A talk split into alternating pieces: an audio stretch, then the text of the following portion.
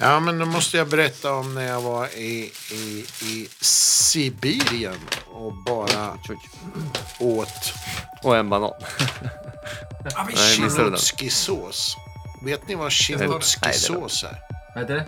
Chinutski-sås. Det låter för jävla snuskigt. Rysk eh, galla.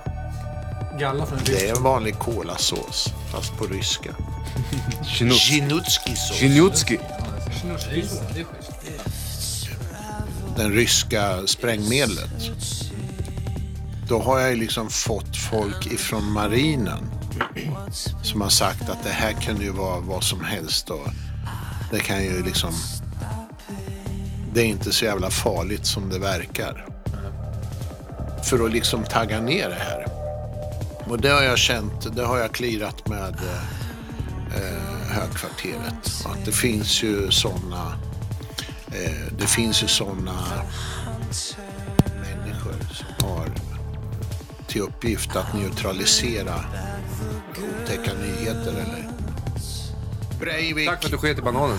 Nu Breivik köper 800 kilo konstgödsel Ja. och lägger på 120 liter diesel. Ja. Står hemma hos mamma och pappa och, och vispar den här skiten i 40 liters hinkar. Och han, han, han måste alltså ha sökt upp det här på internet bara. Ja, ja. Du blir en fullfjädrad terrorist på internet. Ja. Hur blir det nu med det här äh, lagen som kommer på... De har ju slagit igenom någon lag i EU nu. Så vi kommer alltså inte kunna få tag i den, all information som vi vill få. Är är det positivt åt det hållet eller är det bara negativt? Och vad har de egentligen klubbat igenom? Vet de själva vad de håller på med? Ju mer man kan eh, minska högerhjärnan hos vildbasar, ju bättre är det. För det räcker med att du har gått ut med noll i betyg och sen är sur på din gamla studierektor. Ja. Och då ska du sätta allt till sin spets. Men det måste ju också finnas då, alltså annat, om du censurerar internet för svenskarna. Det måste ju ändras någonting i grundlagen för det. Och sen så, då har du också rätt att... Men det här är kriminella handlingar. Det är ingenting som man behöver ändra i grundlagen. Nej, okej. Det är- eller, Det är konstigt att rösta på Gösta bara. Så du är, du är för ett, en censurering på internet? Är det det som de håller på att göra? Jag, jag har inte riktigt hängt med i den debatten. Det kommer bli som Nordkorea. Fast det är en lätt version. 2.0. Ja, det låter ju inte bra alls. Nej, Men, eh, men vadå så gör det? Alltså, kommer att raka sig som Kim Il-Jong. Ja, och bli bästa kompis med Trump? just det. Ja, då skulle vi vilja välkomna våra goda vän Peter Lorenz till den här aftonen. Ja, Ja. och jag skulle vilja att alla kommer rösta på Fridolin, för han är en polare till mig. Och då säger vi tack och hej, eh, Peter Lorenz för idag. och jag sitter där på hörnet och bara är glad att det riser. Det var, stunden var rolig och kort. Jag hatar folk som säger kexchoklad. Har ni hört det? i Mycket göteborgare eller vart är det? Boråsare? Arkitekter, Fan vad sur jag blir. Ja, kex. Kexchoklad. Fan. aktier. Ja, aktier. Har du aktier? Jo, men våra nivåer ser ganska bra ut. Så länge vi inte får såna här tok-utskrik och skrik så pika. Men annars så ser det bra ut.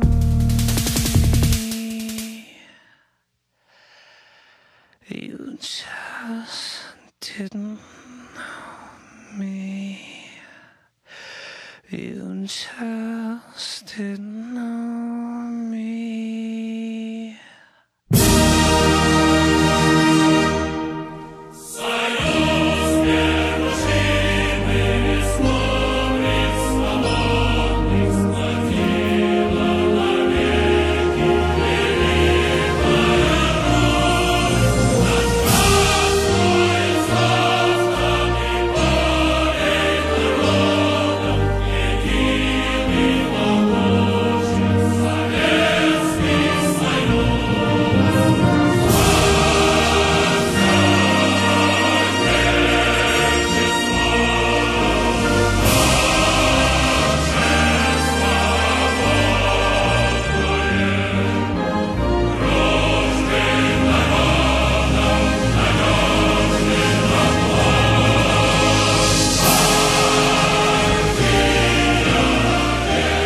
Hej alla Wanderers!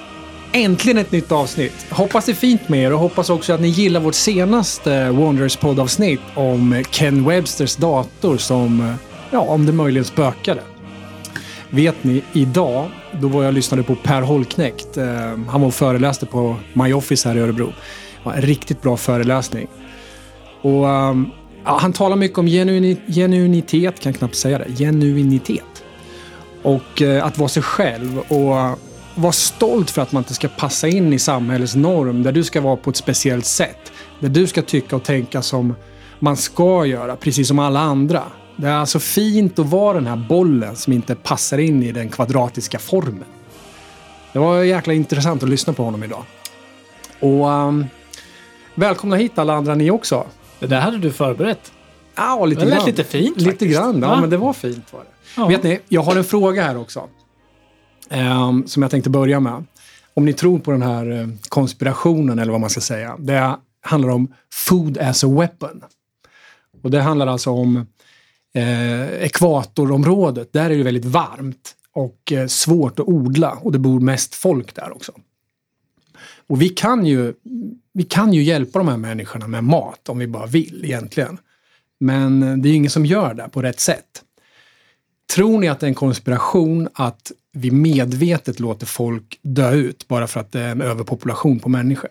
Så att man hjälper inte de här människorna i samma utsträckning som man borde göra. Tror ni på det? Food as a weapon. Ja, alltså definitivt. Varför skulle det inte vara så? Vi är ju överbefolkade och skulle man nu vilja avpopulera jorden så är ju det ett ganska så effektivt vapen. Men det här har vi varit inne och snuddat på lite förut när det gäller läkemedelsbranschen och eh, just det här med siffror. Att vi lever i en värld med låtsasnummer eh, som snurrar runt och papperspengar. Vad lätt det skulle vara att kunna hjälpa alla för att överleva och kunna liksom leva helt normala liv. Alltså det... Konspiration, konspiration. Det är faktiskt så det är. Vi, vi, vad säger man? Att det är väl eh, eh, en procent eller någon 0,1 procent av eh, världen har 99 procent av världens förmögenhet och tillgångar. Liksom det, det, det behöver inte ens slå på en konspirationsstämpel för att... För att Nej, men det är om det är medvetet. Om det är medvetet. nej, men det är ju medvetet. Det är, inte sitter vi, nu sitter vi fem stycken här och, pratar, inte, inte fan skickar vi eh, hälften av det vi har och hjälper dem där nere. Nej, Chris- det, liksom det, det, är ingen, det, det är ingen större tanke än så, utan det är ju bara så det är, tyvärr. Chris Rock, han stand-up-killen, han säger det. En, han säger liksom en, en, en hamburgare. It's only, it's only 99 cents. Ja, så det, det går ju att skicka hamburgare, menar han på. Lite kul. Jo, men det. Sen är det ju hela, hela det där välfärdssystemet och, och, och det här med att skänka pengar hit och dit. Och, och, vill man bara ta tag i ett problem så då går det ju att lösa det. Det är ju inte svårare än så. Det är bara att kolla på Akon nu. Han, han den gamla rapparen eller vad han är. Han tog ju faktiskt tag i det och, och, och försökte. Jag tror han på några månader lyckades ge 600, jag vet inte om det var 600 miljoner afrikaner el. Liksom.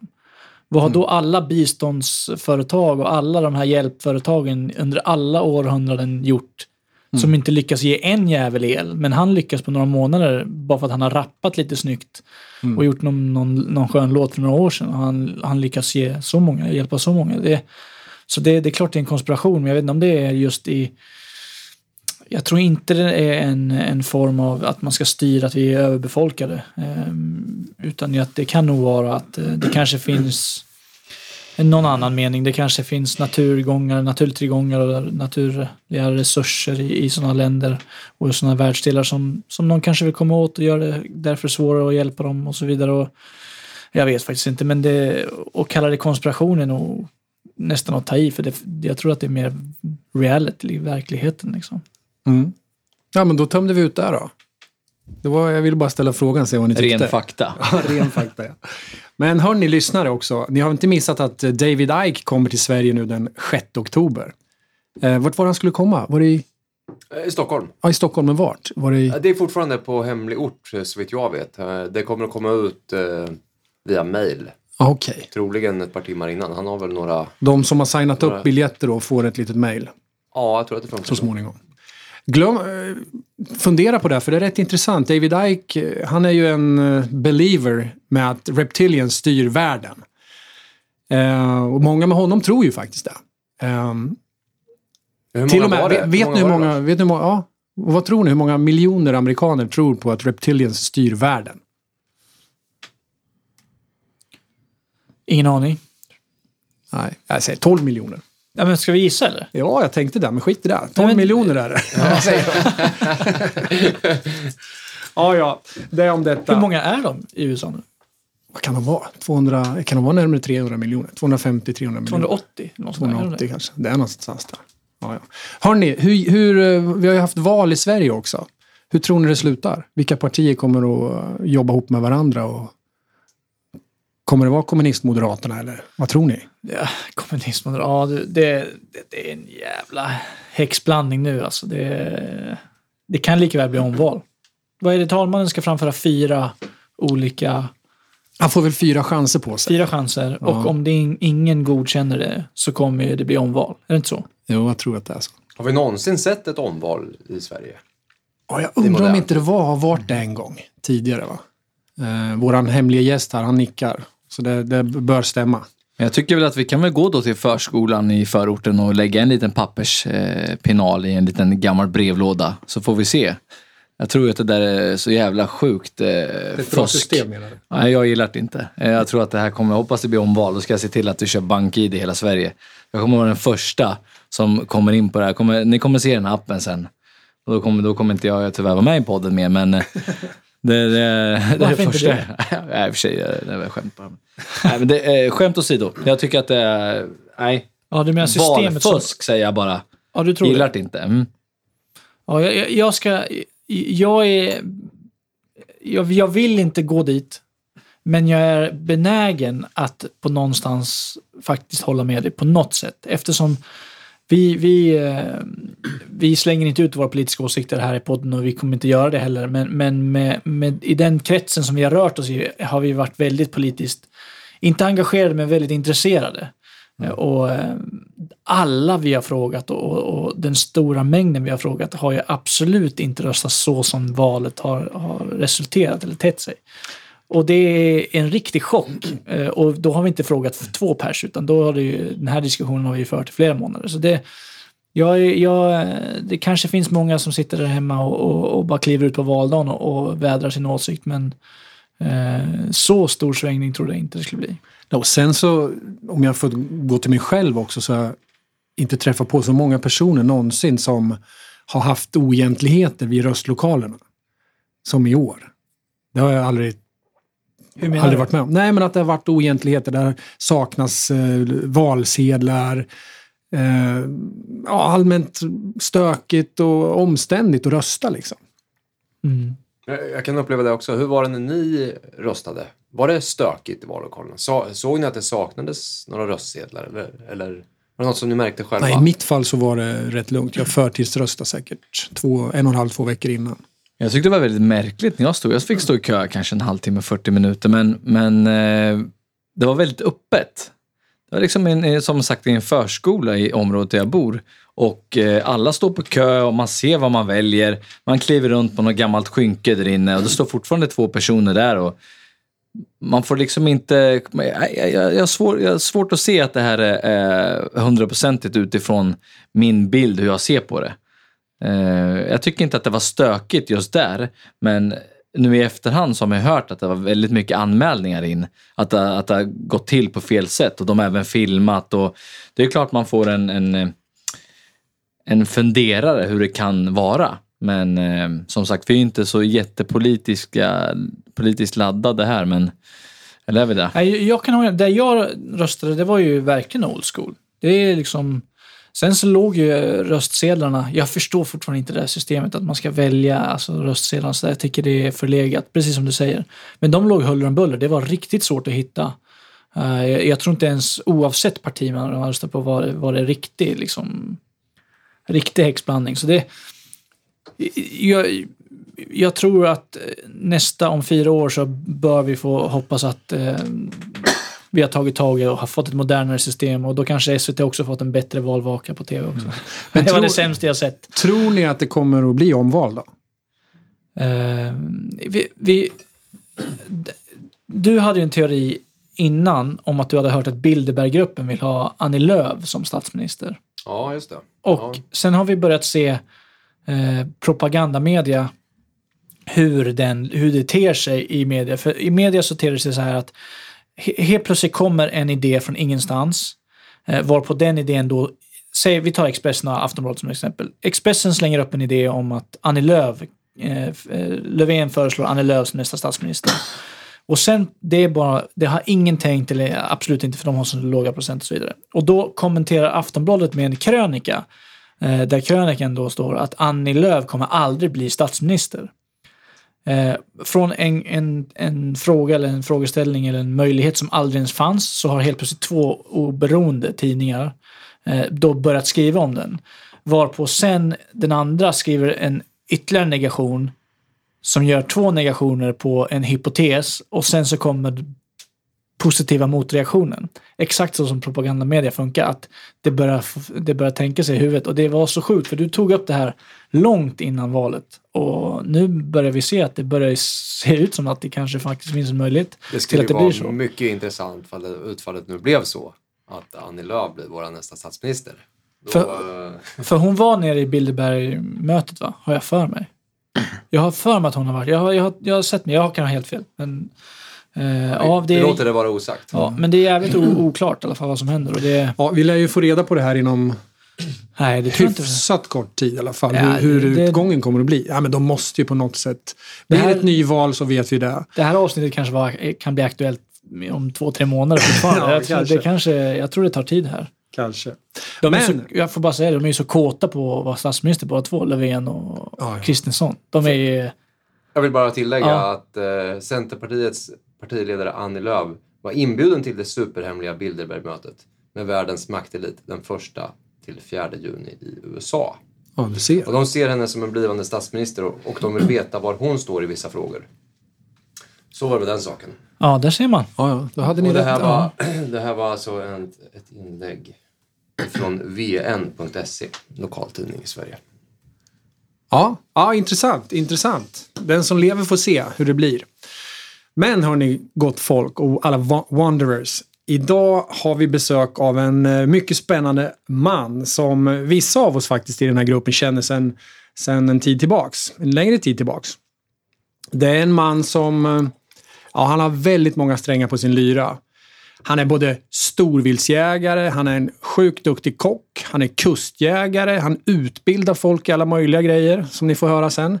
Filmare, han håller föredrag och han har till och med jobbat som, eh, fick vi reda på nu, som bodyguard till och från. Ja, vad är han inte den här mannen? Han heter Peter Lorenz och välkommen Peter till den här poddaftonen vi har. Tack så hemskt mycket. Tack så hemskt mycket. Vad ska det bli av den här kvällen? Vart är Whitney? Ja, vi har ju faktiskt eh, vi har suttit här och dividerat och spånat och ställt in ljud och grejer. Så det, mycket av kvällen har ju redan passerat. Men eh, är det här en bra beskrivning utav dig Peter? Som Ja, vi hörde? men det har ju, du har fått in eh, 360 grader där tror jag om.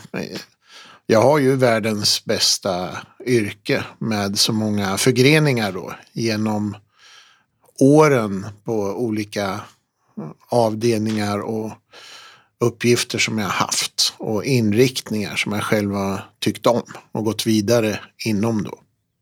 Har du någon sån där del i din eh, profession som du tycker som, liksom, som man kan eh, centrera dig som? Liksom, jag är en hmm, hmm, mest. Eller vad, vad, så som du ser på dig i själv. ett fack. Sätt mig inte i ett fack, men jag lovar att eh, det finns många människor som skulle offra högerarmen för att få vara med på vissa av uppdragen och filminspelningarna eller av jakterna som eh, vi har runt om i Sverige eller i Afrika eller inspelningsplatser. eh, Ja, jorden runt. Men berätta lite mer om dig själv också. Du, du, har, du driver ju eh, Jaktakademin här i Örebro. Ja, precis. Jaktakademin är ju ett, en verksamhet som jag har hållit på med i 13 år. Eh, som ingår då i ett annat bolag som heter Marmor Produktion AB.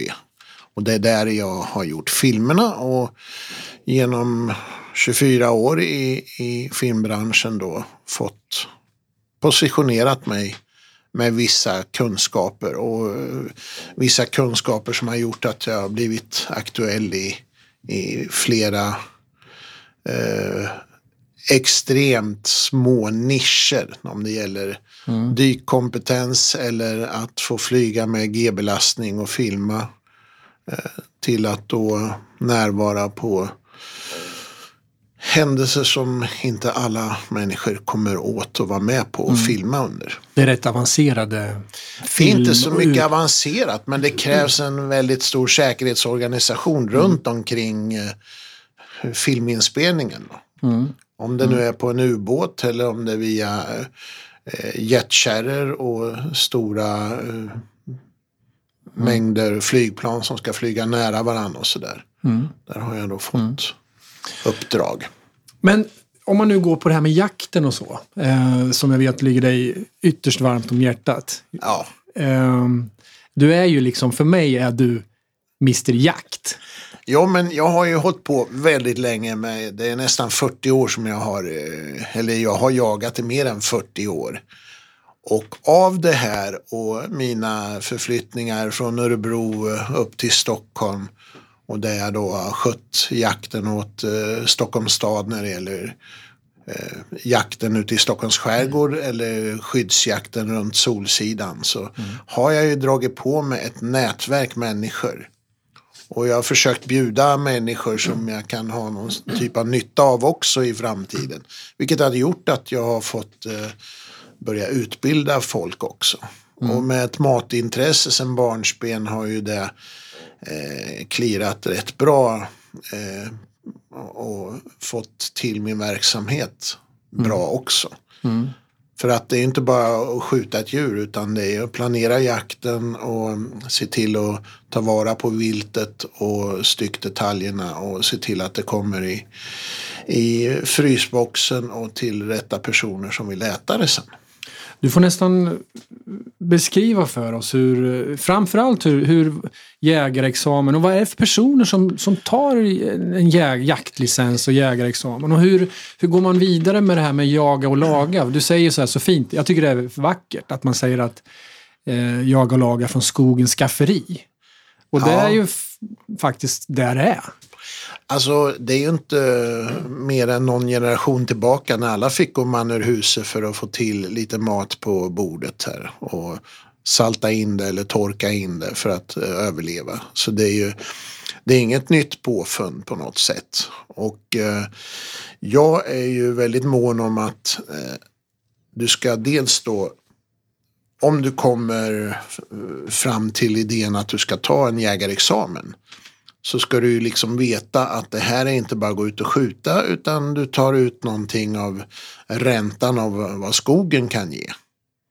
Men det är ju inte liksom färdigt när du får ett plastinbakat kort där det står att du jägar utan det kanske också blir en följd av att du vill lära dig stycka, slakta och stycka och matlagning och koka lite eh, fond på benen. Så att eh, jag vill gärna att du eh, gör hela den här processen.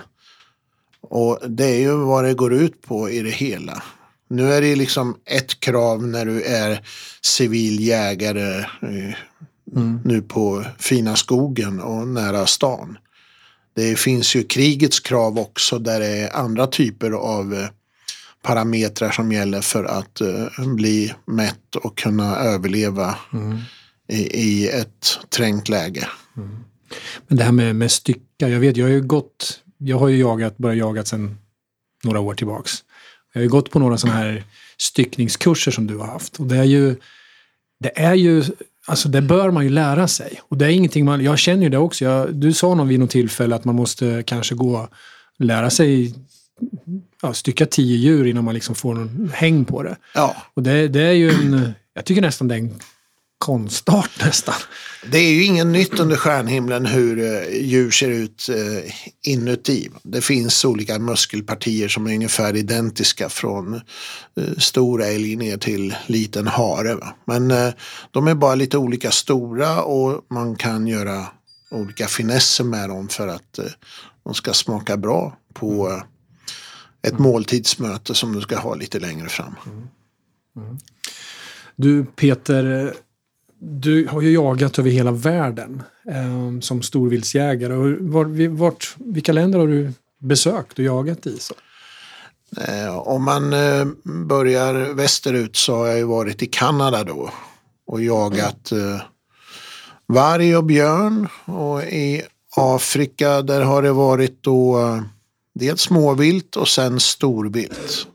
Och Afrika det har varit Sydafrika, Zambia, Tanzania, eh, Tunisien eh, som jag har eh, färdats runt i med terränggående bilar och levt efter vad som har funnits där då.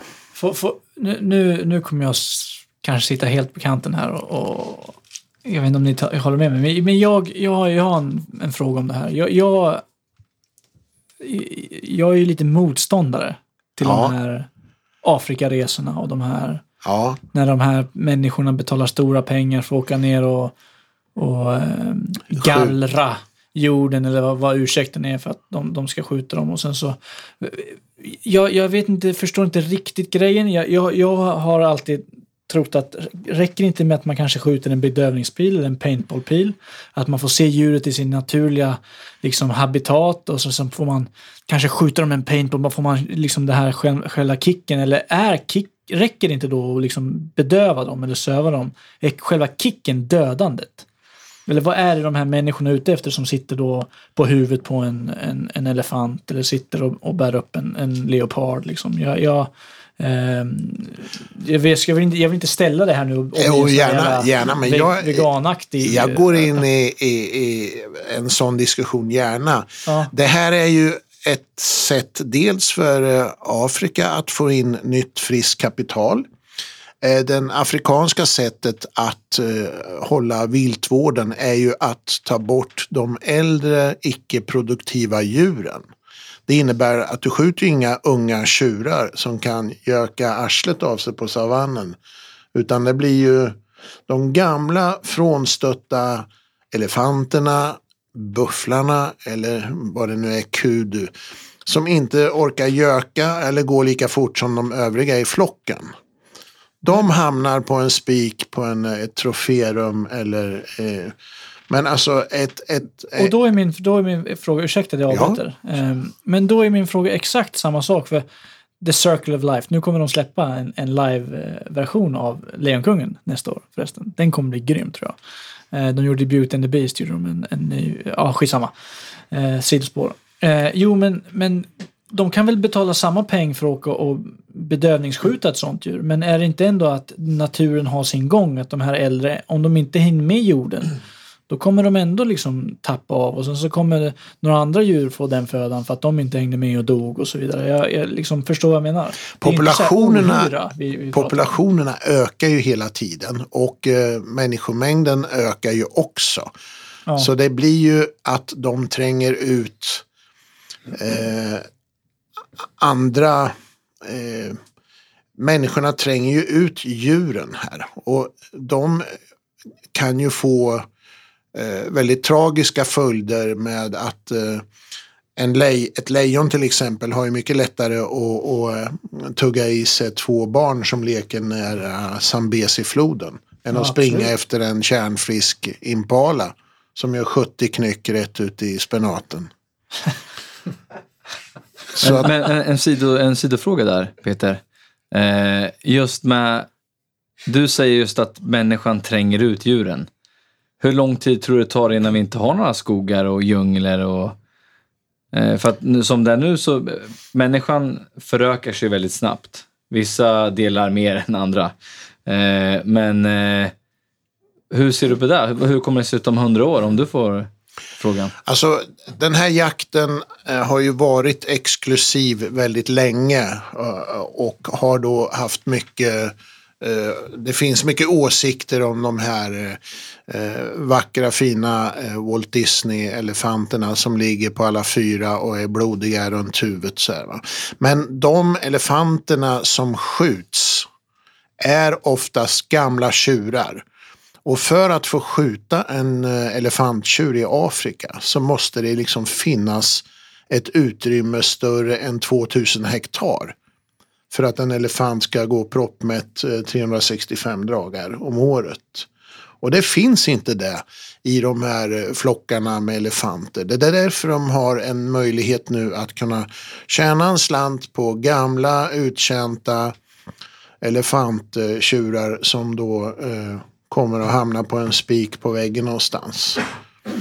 Det här är ju ingenting som en medeljägare kan göra utan det är alltså prislappar som eh, eh väldigt få människor klarar av. Och göra en eh, ja, big game hunting, alltså när man skjuter de kanske fem största djuren eller de sex största djuren. Då. Man, man pratar om Dangerous Six. Där då elefant, noshörning, leopard, lejon, buffel och Dangerous Six. Då ingår även flodhästen. Då. Men vad, vad kostar en sån resa? Och... Om, om du skriver ut en check idag kanske du får betala 2,5 eller 3 miljoner. Och då kommer du tidigast kunna åka ner om ett par, tre år. Då är det en pro-hunter som säger vi kan ordna så du får skjuta de här djuren där och där. Eh, det här djuret får du skjuta i ett inhägnat område. Och eh, Så Ja. det är mycket mer begränsat än vad man tror. Ja, ja, det är ingenting man går ut och, och, och leker duvjägare på Närkeslätten. Liksom. Men, men det, det, det, det är det därför de, de vet att de kommer få så mycket skit, de här oftast amerikanska tandläkarna som är ute och, och krigar. Men de lägger ut bilden ändå för de har väntat tre Ja. år och lagt en tre mille på det. Liksom. Ja, men det finns ju problematik eh, närmre här i Mellansverige där det har kommit fram. Journalister har fått veta att en person ska åka ner och skjuta en elefant med en känslig position i ett känsligt eh, organisation. Vilket har gjort att eh, han har känt sig så trängd så att han har inte Gjort det. han har inte åkt ner till Afrika för att det har blivit den här tandläkarresan för den amerikanen då. Så. Det blir ju en, eh, människojakt. Blir Ja. det. Ja, det är också en, en, en form. Men, men vad tror du Peter om, om, om, vi, om vi tittar på framtiden då? Just med, med skog och djungel. Du säger att vi tränger ut djuren. Hur lång tid Vi- tror du att det tar innan det, det kommer vara så pass... Det kommer ju bli skört för oss. Liksom om man tänker, ska vi börja manipulera systemet och... Ja. Det manipuleras ju system redan nu genom att man sätter upp staket och stängsel och hängnar in områden. Just för att en biotop ska få vara ungefär som den har varit för hundra år sedan. Eh, Däremot så blir det ju med olika individers hjälp mindre med älgar tack vare kanske vargens eh, framgång. Jag trodde du skulle säga tyskarna. Men, Eh, Tyskarna är ju väldigt förtjusta i troféer.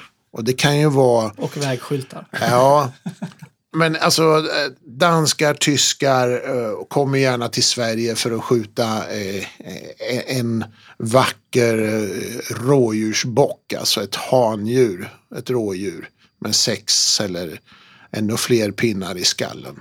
får, får du mycket förfrågningar av tyskar som kommer hit? Fan, jag, Peter, Ja. jag ger dig 200 lax så kommer jag hit för Ja. att klippa en älg. Är, är det så att jag kan garantera att de får skjuta en stor fin skovel? Alltså Och kanske vad är en skovel fem-? Det är en tjur då som har palmata horn och det kanske är då 15-20 taggar i skallen på den. Då om jag sätter ut en liten annons i Der Spiegel på första sidan. Första tiden. då, Då är du klar. då är jag klar. Då kommer jag ha längsta. Mercan i kvarteret alltså. Efter den jakten. Varför gör du inte det då?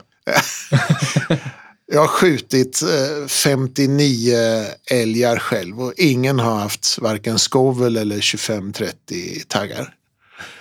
Så att, eh, men annars har jag skjutit väldigt mycket av allt när det gäller klövvilt och fåglar. Då. Men, men du, Peter. Jo, får jag bara säga en sak? Ja, Okej. Jag har ju löst det här. Hur, hur, hur Afrika kan få pengar och hur de får det här dödandet. Acon. Nej, Nej. de kan åka ner och skjuta tjuvjägarna. Jag har perfekt. utbildat tjuvjägare i eh, Afrika. Har du utbildat Nej, men det finns, det finns speciella... Vadå? Det finns speciella organisationer som eh, anti-pouching eh, eh, groups som är, är militära förband som åker ner och hjälper den afrikanska befolkningen just när det gäller tjuvjakten. Tjuvjakten drar ju igång off-season när det bara blir regnperiod. Då kommer det ner fina Learjet-kärror till Afrika och de anställer då hela byar för att skjuta, bära och skära rent eh, eh, vad heter det, eh, betar eller horn. Elf, som, elfenbenet. elfenben då, som går direkt eh, till Asien.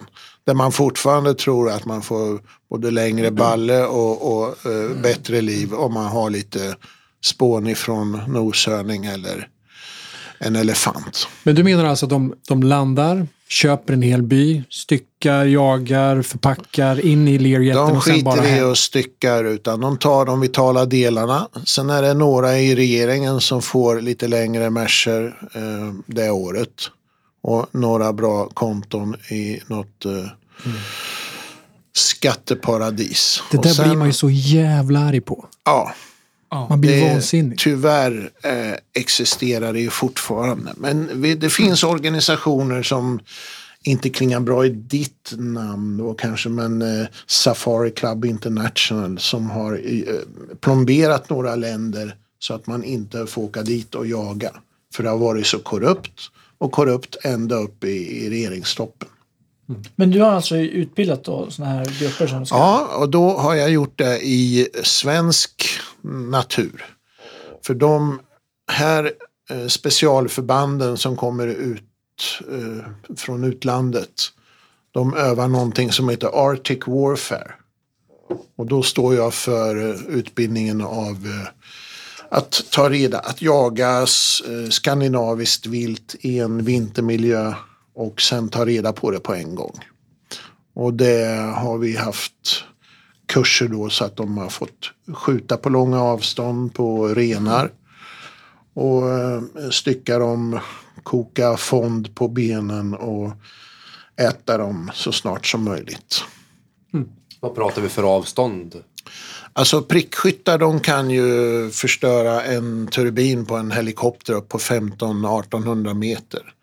Men skjuta skallskott på någon eh, gubbe eller något djur det kanske de gör på 800-900 meter. Och vi har satt en gräns på 300 meter när det gäller avlivning av eh, friskt vilt. Eller ja, det är ju, det är ju tama renar som jag köper med grimma och grimskaft som får eh, eh, skjutas då. Men hur vet man vad det är för människor som kan vem som helst göra? Kan, kan, tänk Nej. så är det fel syfte att någon kommer och lär sig snipra och Ja, stycka. Det skulle ju vara livsfarligt då. Det här är människor som har gått den långa vägen genom eh, rekrytering och gjort grundutbildning på, i respektive land. Då. Och har då en gedigen utbildning i sina eh, eh, uniformer och sina, sin vapenarsenal som de har med sig. Då. Så har, du, det- har du utbildat någonting åt andra hållet om man tänker inte jägare? För du är ju väldigt... Eh, du har ju hållit på med det mesta känns det som. Ja, alltså det, ibland har det kommit folk till mig och säger ja, jag vill ta jägarexamen, du vet, men jag kommer inte ta ett steg ut i spenaten utan jag vill bara ha en bössa i ett vapenskåp.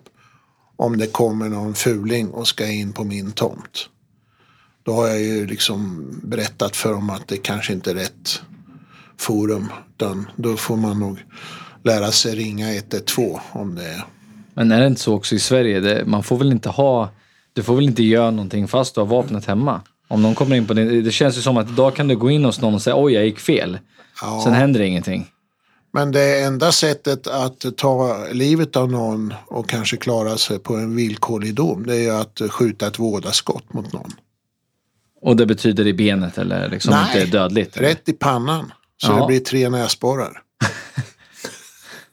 ja, men det är ett vådaskott som har gått eh, Vadå, att, att det är misstag då eller? ett misstag. Ja. Att Då, då, mitt är, då är man alltså vållande till annans död. Kan jag hävda och, och eh, bevisa att jag har eh, ramlat snett framåt och du stod 182 meter längre bort. I, titta i min riktning. Och ett eh, skott gick i, i, av ifrån en osäkrad bussa. Så jag kommer inte undan med ifall någon kommer in i mitt sovrum och jag råkar klippa någon med tre näsborrar. Nej, den är 14 svår. Den Då är måste svår. man plocka fram spaden alltså och lösa problemet själv. Då är det tre näsborrar och inget bakhuvud. Om det är på det avståndet. Ja.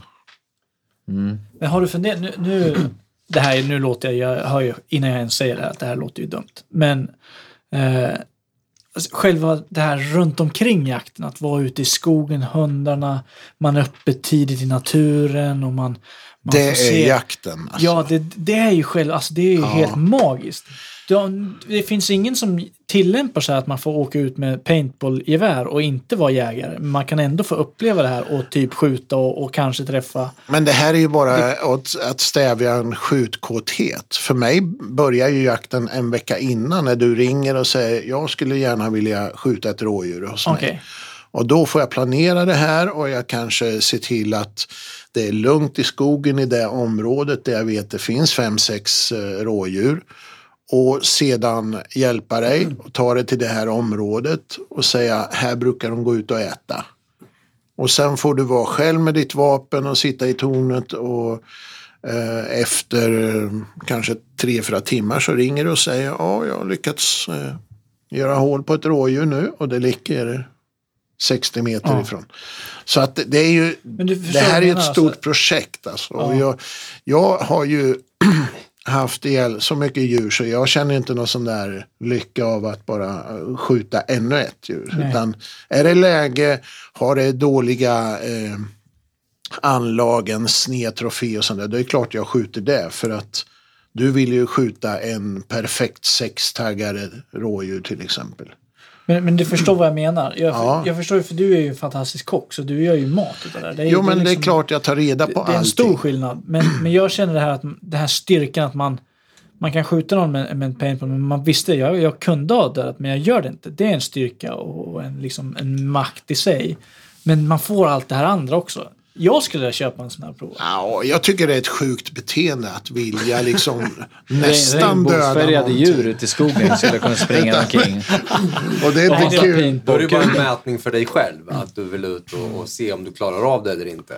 Och då kanske det är bättre att bara gå ut och sätta sig på stubben och titta på rådjuret när det går förbi. Ja, men, men, men, ja exakt. Men jag, jag föreslår bara, eh, ja, Men vi hörni- går vidare. Jag sa ju själv innan att jag, det skulle låta dumt. Jag vill fråga dig, Peter, om du inte stöter på något problem eh, i det här med jakt, i- din jakt och med aktivister. För det är ju ganska, kon- för i vissa grupperingar är ju jakt kontroversiellt.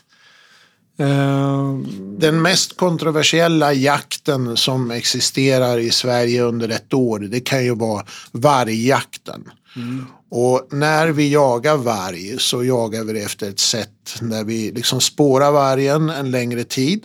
Vi vet vilka individer vi har i området och vi vet tilldelningen i de här områdena. Det här är stora områden så det är inte din jaktmark utan det är 20 eh, jaktlagsområden som de här eh, vargarna strövar på. Men du, vad är det med varg egentligen? För det här vargfrågan kom ju upp mer och mer och mer och den fi- finns där och den pyr där hela tiden och den kommer ständigt upp. Vad är det med vargfrågan egentligen? Vargen är en väldigt duktig jägare. En ensam varg kan ju dräpa en stor 350 kilos eh, älgko som springer med sin kalv. Men det känns ju inte så trevligt att man hör att det är vargar överallt här runt omkring och Nej, du- du har rätt och det kommer ske. Alltså, snart kommer det vara några föräldrar som inte kan hämta sitt barn på dagis eller fritids. Och de känner inte igen barnet heller på patologen. För det går fort när ett par tre vargar sätter gaddarna i en, eh, en ung människa. Kanske väger mellan 15 till 30 kilo. Varför har det inte hänt? Det har, det har alltså varit kontakt nära fritids och dagis. Och det har ju eh, rätt nyligen varit en dam som gick ur tiden på Kolmården. Just i ett sånt här inferno där eh, åtta alfahannar eh, sig en frukost deluxe. Du, du som jägare, arbetar du proaktivt på något sätt i vargfrågan? Jag vill gärna eh, berätta för så breda eh, skaror som möjligt att vargen är ju ett av våra vilt i svenska skogar och ska också kunna vara ett jaktbart vilt. Man kan ju också sätta prislappar så här. Man kan som elefanter och eh, Eh, det är väldigt dyra fällavgifter. Skulle man ta bort den här vargproblematiken och säga vem som helst från något finansbolag runt eh, Stureplan kan få skjuta en varg någonstans för en fällavgift av 250 000. Ska det då skjutas eh, 50 vargar under ett år i vårt fjällhöga nord. Då skulle det vara rätt mycket pengar som kunde komma in till eh, Länsstyrelsen och till viltvårdsfonder då. Det är ett annat sätt att tackla det. Men då blir det här, ja då är det rikemansjakt. Och det, eh, men eh, det är olika sätt. Eh, det finns ju vargar som kostar över en miljon kronor som de har fraktat runt i Sverige med helikoptrar. Och som har sprungit på en kompasskurs från eh, eh, Bergslagen rätt in i Norge och blivit skjutna där bara efter ett par mil in i landet där. Men varför är det så polariserat? Det här vargfrågan. Det finns ju, antingen tycker man att det ska vara si eller så. Liksom. Det är väldigt he- het debatt egentligen. Och hårda ord egentligen. Ja, alltså det finns ju organisationer som är väldigt eh, aggressiva och försöker dels få publicitet. Och då gör man det genom att slåss lite med några jägare och spraya bilar, punktera bilar och skrika. Och de här har balaklava på sig och ser ut som mångubbar när de kommer ut i skogen. Men har du varit med om något sånt där? Ja, det är bara två år sedan som jag hade en, eh, en aktivist som kom med fyrhjuling och körde fram. Men då spärrade jag vägen med min bil och jag fick honom till och med att ta av sig hjälmen. Så vi kunde fotografera och filma honom. Men vad händer där om, om en aktivist blir skjuten lite lätt? När han inkräktar på ett skogsområde där, där det Ja, pågår du jakt. får inte förhindra jakt. Nu är det svårt att bevisa att det stod en, en stor varghanne precis framför aktivisten. Då får man nog Till arrangera vems rätt fördel är det? ja, det, det är även till jägaren då. Annars är det ju en, eh, ett, ett rent kriminellt ingrepp. Alltså. Men eh, eh, eh jägarna i Sverige är kanske knappt 300 000 människor. Totalt 500 000 vapenägare i Sverige är det. Aktivisterna är ju kanske bråkdel av det. De mest aggressiva kanske är ett 50-tal, 100-tal. Och sen finns det kanske hangarounds till dem då. Men eh, eh, Men det är oftast människor som inte kommer just från, eh, det, de kommer från en urban miljö. finns det en anledning varför alla liksom, vapenklubbar och banor, det, det, är som, det är sån lång kö. Det är ju årsvis med kö. Ja. Att det just blir så nu, är det att folk blir jaktsugna eller på grund av att det börjar hända saker i Sverige som... Nej, alltså jaktsugna. Eh, nu utbildar vi ju till att du ska bli jägare. Tidigare kunde vi utbilda så du blev småviltsjägare eller storviltsjägare. Då. Eller högvilt hette det då i Sverige. Men nu, om du går en jägarkurs hos mig så kommer du bli jägare. Då har du rätt att köpa en hagelbussa eller en älgstudsare. Och med ett hagelvapen och ett kulvapen då kan du jaga allt i Sverige. Från Treriksrösen ner till Ystad. Och, och uh, vara med på jakter och se till att du fyller frysen. Om du vill göra det då. Annars kan man ju övningsskjuta lerduvor och man kan tävla i sådana här flyktskytte på banor. Mm. På tal om att fylla frysen. Vi har ju tidigare eh, intervjuat en prepper Ja. eh, som förbereder sig på, på det värsta tänkbara som kan hända. Eh, preppar du någonting Peter? Ja, jag, jag preppar ju efter vad eh, skogen har att ge under säsongen. Så, men jag känner inte något sånt här, eh, någon stor rädsla för att jag kommer ligga som en anorektiker i ett dike och väga 42 kilo bara.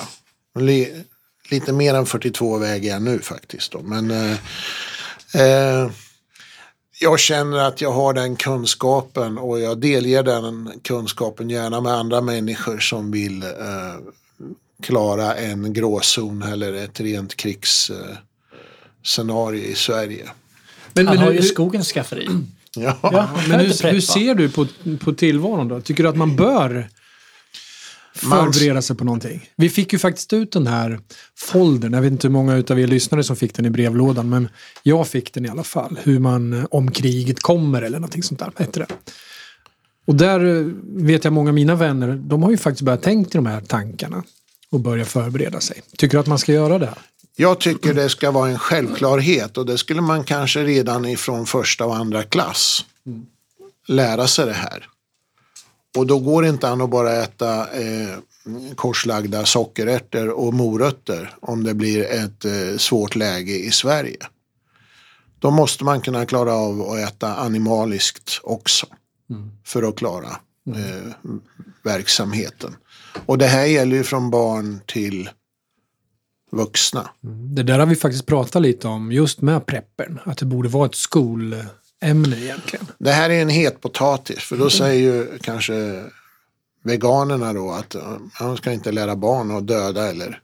Men jag tycker det ska vara något helt naturligt. Går du på en marknad i, i, eh, i eh, Dar es Salaam eller i Asien någonstans i Singapore. Det är unga människor som sitter och de hackar huvudet av en kyckling eller filear en firre som har eh, simmat i ett akvarium. Det är ingen stor grej för dem. Utan det här är något som ska övergå till mat, till lunchen eller till middagen. Och det är inte svårare än så. Hur skulle du göra om det blev ett... Eh, vi leker med tanken att, eh, att vi vart invaderade. Ja, Hur skulle du agera då de första 24 timmarna? Eh, jag kanske inte skulle bo kvar i mitt hus utan jag kanske skulle omgruppera och se till att jag har ett alternativt boende med tillgång till vätska, eh, gas eller gasol då, så att jag kan värma på maten. Jag kanske inte gör några fina braser varje gång med en rökpelare rätt upp utan man vill nog gärna snabbt kunna bli mätt. Eh, har du en sån alternativ? Ja, det behöver man inte ha någon större höger hjärnhalva för. Och, och liksom, om man tittar ut i, mot skogen eller mot vattnet så det finns ju alltid alternativ. Ja. Är det så att man får påhälsning av en främmande makt så kommer de först och främst gå mot tätorter och in i samhällena. Och det för ju oss osökt att tänka på vidare. För vi diskuterade lite innan här och då, då eh, frågade vi lite grann de här frågorna och, och vilka som du anser är det största hotet. Eh, och då, det för så osökt att tänka på eh, någonting som du var med i en större tidskrift här för inte så länge sedan.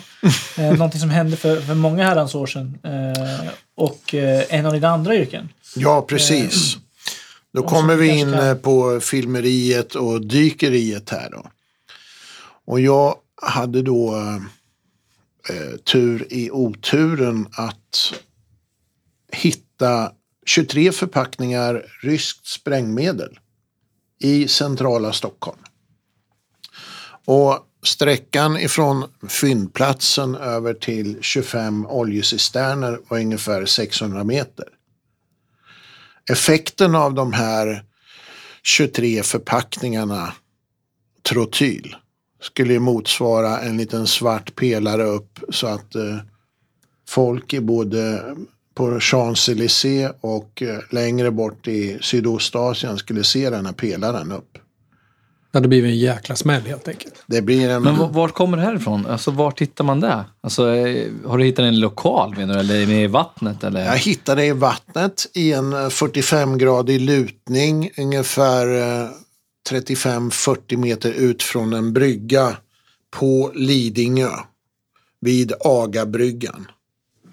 Och vad en terrorist eller en eh, främmande makt vill är ju inte att de blir påkomna med sprängmedel på sig utan man måste göra någon slags brevlåda eller deponi någonstans för att hålla bara kunskapen att man kan göra någonting. Och det här var en sån brevlåda menar du på? Som du Ja, i? det var en snygg fin eh, eh, eh, bärkasse ifrån Åhléns. Då var det en liten röd logga med en svart eh, plastpåse. Och jag rotade med eh, min starka ficklampa i det här och såg då att eh, förpackningarna var förborrade för att kunna dra in en, eh, en sprängkapsel där. För att dra igång ett sprängmedel måste man ha skjuts av en eh, liten detonation.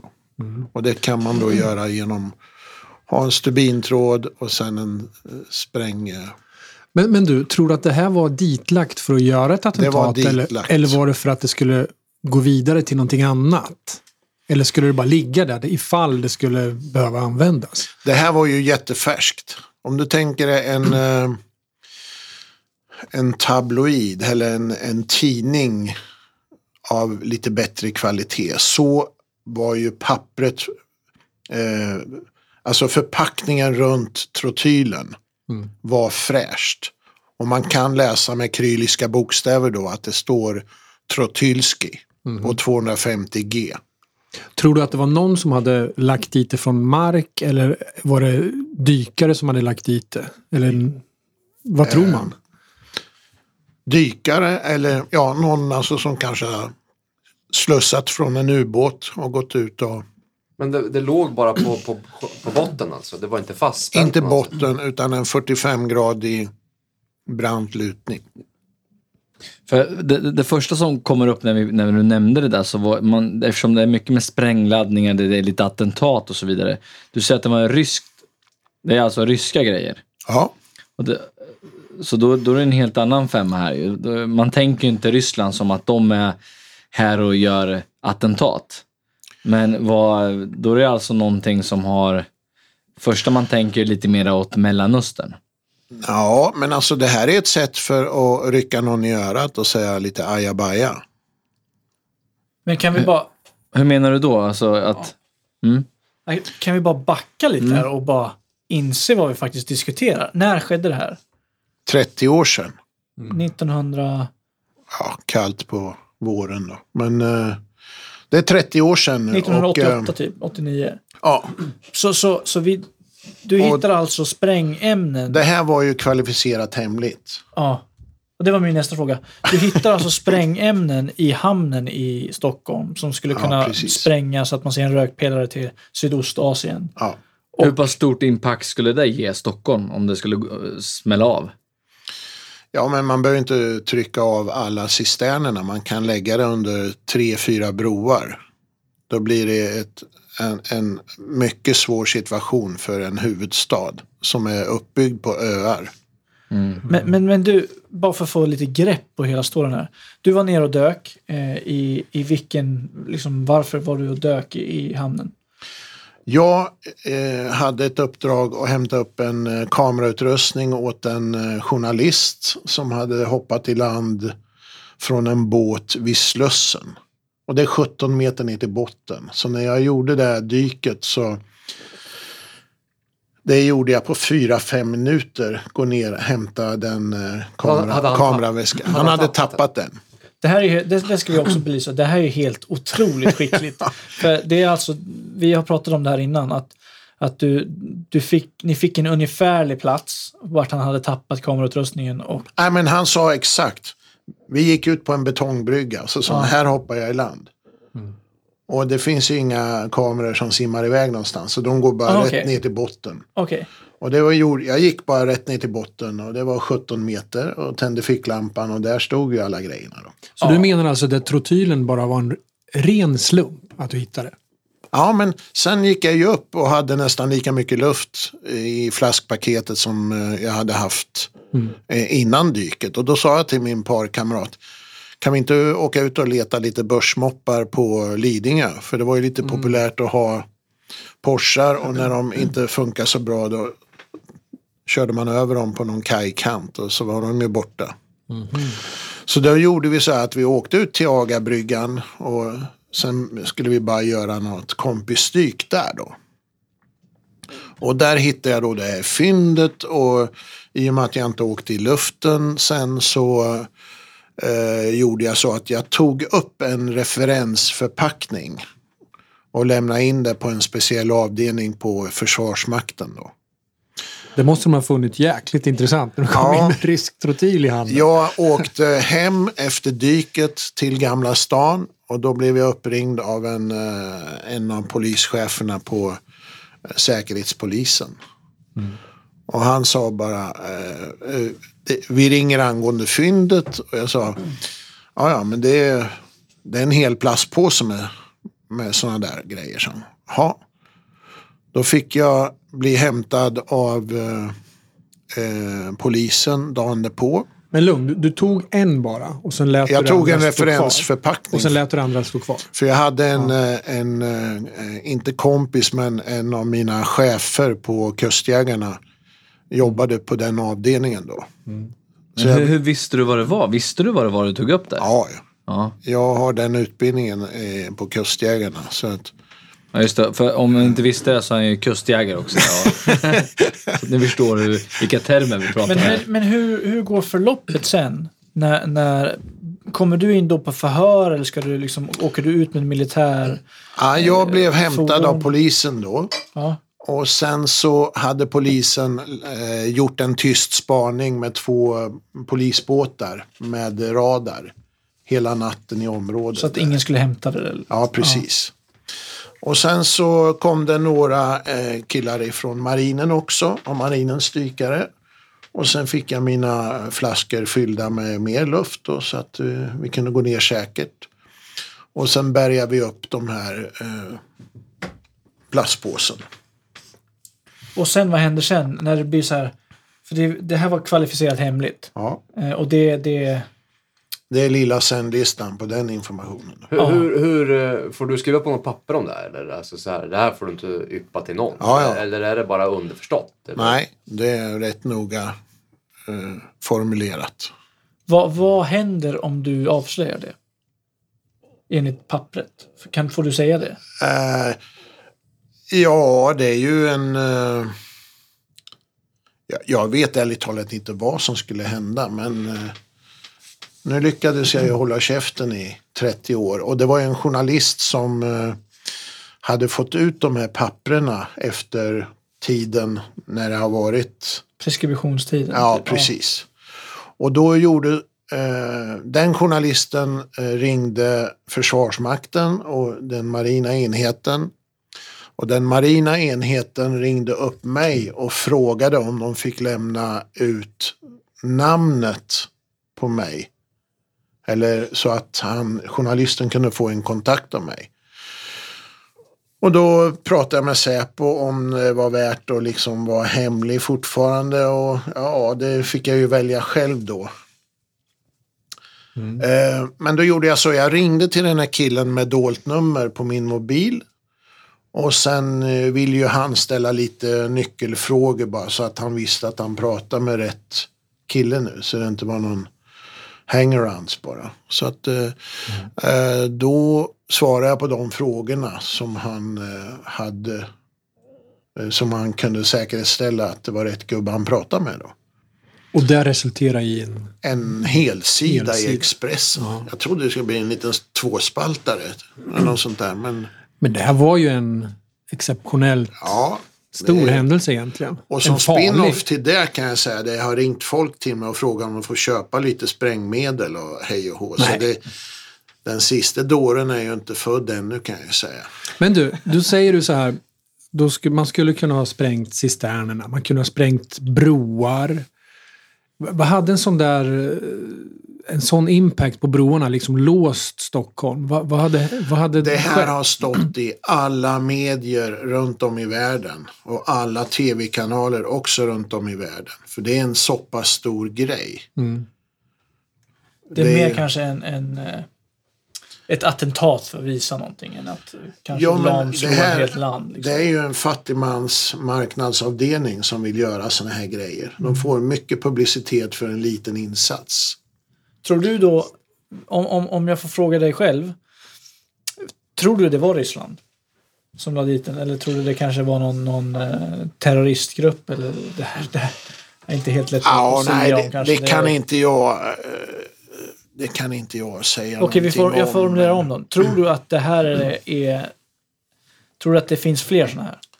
Absolut. Det finns ju brevlådor överallt. Det finns ju elaka människor och hjärnor som har gömt automatvapen, handgranater och grejer för just att kunna vid ett lämpligt tillfälle få väldigt stor effekt. Det kan man göra med en långtra eller en lastbil på Drottninggatan eller i Nice eller London. Så att, eh, men det är ju som sagt var, det är ju inte inga Nobel-nominerade människor som håller på med det här. Nej.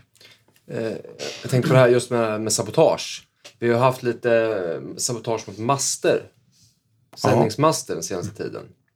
Ehm, vi hade, jag läser här från, från uh, nyhetssidan. Klockan 22.30 kommer larmet om att den höga radio och tv-masten öster om Borås har rasat. Masten knäcks 100 meter över marken och ett stort antal personer blir av med radio och tv-signalen. Cirka 188 000 personer kan ha påverkats. Det här är ett sätt att se hur infrastrukturen fungerar i Sverige i en gråzon. Det är ju rätt intressant för en, eh, en främmande makt att veta. Så, Att, så de vill egentligen veta hur, hur, hur når absolut. kommunikationen fram till de här Ja. 188 000 personerna när de saknar... Det är inga 14-åringar som bara har lärt sig klättra som gör de här grejerna. Ja, och sen kanske hur snabbt också man får igång eh, en, en, en Man vill veta, för det här är en fråga kanske i ett större perspektiv. När ska vi spränga masterna? Ska vi ha kommit fågelvägen, via fallskärm, via ubåt, via stora eh, färger in mot Sverige? Så att eh, de vill ju veta vad är tidsaxeln? Hur gör man det här så att det blir synkront med övrigt elände som ska ske då? Hur- nära... Det känns ju som att det här, ryssen är ju så påfallande i det här. Eh, Men hur, hur nära tror du ett sånt eh, typ av anfall från ryssen är? Och är det ens aktuellt? Eller, Nu är det Vem så här- det största hotet? Med alla satelliter och med all trafik som sker digitalt runt om eh, via kabel, via cyberrymden så kan man få veta sånt här eh, väldigt långt innan. Det är svårt att gå omkring med trench, lösmössa och hatt och, och dölja sig länge utan det här syns väldigt snabbt. Och det finns ju folk som bara ägnar sig åt eh, dekryptering och, och sättet att dechiffrera information. Men hur, hur, stor, hur stor är risken att Sverige skulle bli beblandat i något typ av anfall eller liknande? Man, man märker nu att det, det tappas bort containrar med AK7 i Örnsköldsvik kust. Man har hittat en, men man vet inte ifall det var 20 till. Liksom. Eh, just att det kan ju vara ett anfall i Sverige av ja, typ av terrorism eller om det är ett anfall från ett annat land. Hur tar Men de sig? Sverige och- är ju intressant på olika sätt. Vi har det geografiska läget här på den här halvön med Norge och Sverige. Vi har en liten eh, ö då som heter Gotland som kan vara bra att lasta i land folk, vapen, flygplan och vad det nu månde vara. Så att eh, en tänkt fienden har ju i alla fall eh, funderat över att ta brohuvudet, att på något sätt få en fast punkt i vårt eh, avlånga land här. Alltså, och det finns ju bara några, det finns ju liksom tre vägar att gå då. Söderifrån, norrifrån eller österifrån. Det kommer ju inga med lusekoftor från eh, Norge och börjar invadera Sverige. Ja, och då, då är det, det måste då vara ryssen vi snackar om då? Alltså men det de, var de enda kan- som skulle kunna liksom... Är inte det här ett, ett, ett scenario som tänktes fram under kalla kriget? Då, att man, eftersom att Sverige är väl en... Sverige-Norge är ju där, det är där om USA ska skeppa över alla sina flygplan och så vidare så måste de kunna ta den för att kunna ha en strategisk punkt mot Ryssland och så vidare. Att vi är den geografiskt sköraste punkten och viktigaste. För, typ... för drygt 20 år sedan satte ett uh, ungt befäl på eh, en uh, befälsutbildning på Karlberg. Och där de fick skriva hotbilder. Och han fick för sig att man kunde kapa några flygplan och flyga in och förstöra någonting. Och den killen blev ju underkänd på den utbildningen för han kom med en jävla hokus pokus och science fiction. Och han var ju knappt värd att gå i kam och grönt efter det. Och det här var innan 9-11. Ja, Intressant. det är ju rätt häftigt. Att det liksom... Det, hotet är ju asymmetriskt. Så det kommer ju med tåg, med flyg, med båt, med bombälte eller med lastbil centralt. Men jag tänker om- nu vi leker med tanken att Ryssland skulle vilja ta över Sverige. Skulle de inte bara göra då som i Ukraina? De går in med pansarvagnar och, och, och vapen och, och maskerade och hela hejfaderullan. Det här skramlet kommer ske så långt innan. Så då är vi rätt väl förberedda. Och då finns det ju kanske andra eh, länder i närheten som kommer flagga för att backa upp oss. Vilka skulle det vara då, tänker du? De närmaste. Finland har väl, har vi inte något försvarsavtal med Det Finland? finns avtal med dem. Men det finns ju specialskrivna avtal med olika typer av eh, hjälp. Hur, hur, ser, hur ser du på NATO förresten? Är du en förespråkare för... Jag är förespråkare för NATO. Ja. och tror att det skulle kunna vara en bra lösning för, för oss och eh, med den plattform som vi får att stå på då. Mm. Nu är det inte bara anabola steroider utan vi kommer bli väldigt starka i vår del av Skandinavien här. Men om, det inte in, det- om inte det sker, anser du vi är helt... Är vi liksom... Då är vi wiped out? Eller? Nej, I ja, händelse av krig? Nej, men det är väl ganska viktigt för vi har ju ganska liten styrka. Ja, men är, vi det, har är det ju... inte det som är problemet med eh, oss? nackdelen är ju att vi har eh, en försvarsmakt som är underkalibrerad. Så att eh, urholkad Det under skulle lång ju tid. behöva...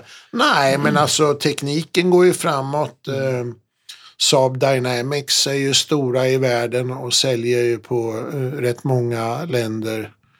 Eh, så att eh, det finns ju kompetens hos oss. Men eh, sedelpressen har ju varit lite mindre än vad överbefälhavaren har vilja haft.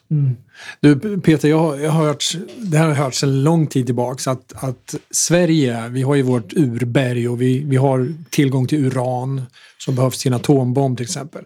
Och det har jag hört så här att, att Sverige egentligen är en, en kärnvapen kompatibel, eller vi kan, vi har kärnvapen om vi vill. Tror, är det så verkligen att vi har, vi kan plocka ihop en, en bomb ifall vi skulle behöva det? Nej, det måste till rätt mycket resurser.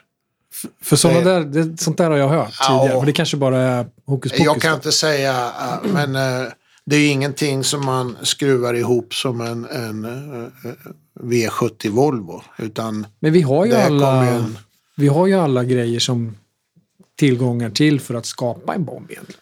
Med ingredienserna, råvarorna. Ja. ja, men det är ju som, det finns ju inte stjärnkockar överallt. Nej, vi avfärdar den, den teorin då, då. Ja, Gör vi. men Men det, förlåt, men äh, ja, det är rätt roligt med de uppgifterna jag har haft som filmare och fått vara med om så mycket grejer. Runt. Ja, det var exakt det jag skulle fråga om. Eh, för du har gjort mycket dykfilm och sådär med ubåtar Ja, och just så det. vidare. Och, och Åt hur överbefäl- mäktigt är det inte att bara vara i vattnet och så bara glider en liten ubåt förbi? Inte så liten heller. Ja, det är ju så här att i cyklopet så förstorar det ju liksom en tredjedel. Och att se ett uh, ubåtsskrov i uh, undervattensläge eller en torped simma ut ur en, uh, en tub framför ubåten. Det är rätt häftigt. Och när det gäller eh, ovansidan på ubåten så kan man ju slussa personal. Så att eh, Hur, hur, hur, för ubåtar och sånt där, det låter ju liksom back in the days, kalla kriget och så vidare. Men finns Ja. det mycket aktivt än idag i, i våra svenska är- farvatten? Ja, ubåten är ju en förlängd mikrofon för det första.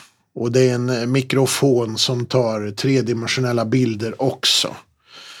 Den här ubåten kan ju berätta om det eh, fartyget som kommer ovanför. Hur många blad propellrarna har. Hur många cylindrar eh, snurran har i båten. Riktning, position. Så att det är mycket information man kan få och den här samlas ju i bibliotek så att man kan ju veta att nu är det eh, Marinella som eh, åker över oss eller så alla Stena båtar Danica. lämnar ljudidentifikation, eller ID ja, efter sig? alla, de, det är som ett stort fingeravtryck hela fartyget. Mm. Och det här hörs på väldigt långa håll. Väldigt långa håll. Mm. Så man behöver inte ligga rakt under dem. För Hur, hur liksom- långt ifrån kan en ubåt vara för att plocka upp att det där är Cinderella som kör här? Ja, den kan ligga på kanske Det räcker att man har två, tre mil därifrån. Alltså, så långt? Ja, alltså ljudet eh, fortplantar sig väldigt snabbt i vattnet. Och Men- runt hela ubåten finns det sensorer och mikrofoner. Då. Och det cirkulerar sådana här ubåtar än idag eller? Ja, ja, oh ja. De är aktiva. Vil- Vilka länder är det som, som befinner sig i Östersjön? Tror du? Oh. Ja, det är först alla de med kajkanter runt eh, Östersjön har ju ubåtar i någon form. Vad, vad menar du kajkanter? Att de har kontakt med Östersjön. Vi snackar Okej. Sverige, Finland, Ryssland, Estland, Ja, Lettland, Polen. Polen, Tyskland. Danmark Danmark. har också kanske inte så många Ja, ubåtar. det är ju han Peter då. Ja. Han hade ju en. Men han har ju körförbud på sin ubåt nu. Men hittade, hittade vi inte en ubåt i Stockholms hamn för ett tag? Värtahamnen eller var det?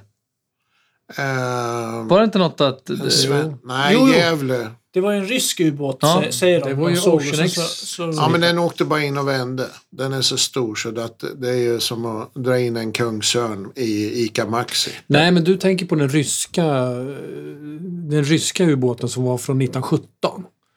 Som- Ja, den låg, som- den låg väl på botten? Ja, det var låg- inte länge sedan vi nej, hittade den. Nej. Nej, nej, jag, jag vet exakt vad han menar. Han menar det här som var i, i förra sommaren. Så var det en, ett, en, någon som hade sett en ubåt så skickade ju svenska flottan sin, sina attackbåtar mot den. Var inte det i yttre kustbandet? Jo, nå, något sånt där. Och jag har en kompis eh, som, som jobbar som, som dykare nu. Och han, han hade kompisar som var med på båt, attackbåten som åkte ut efter.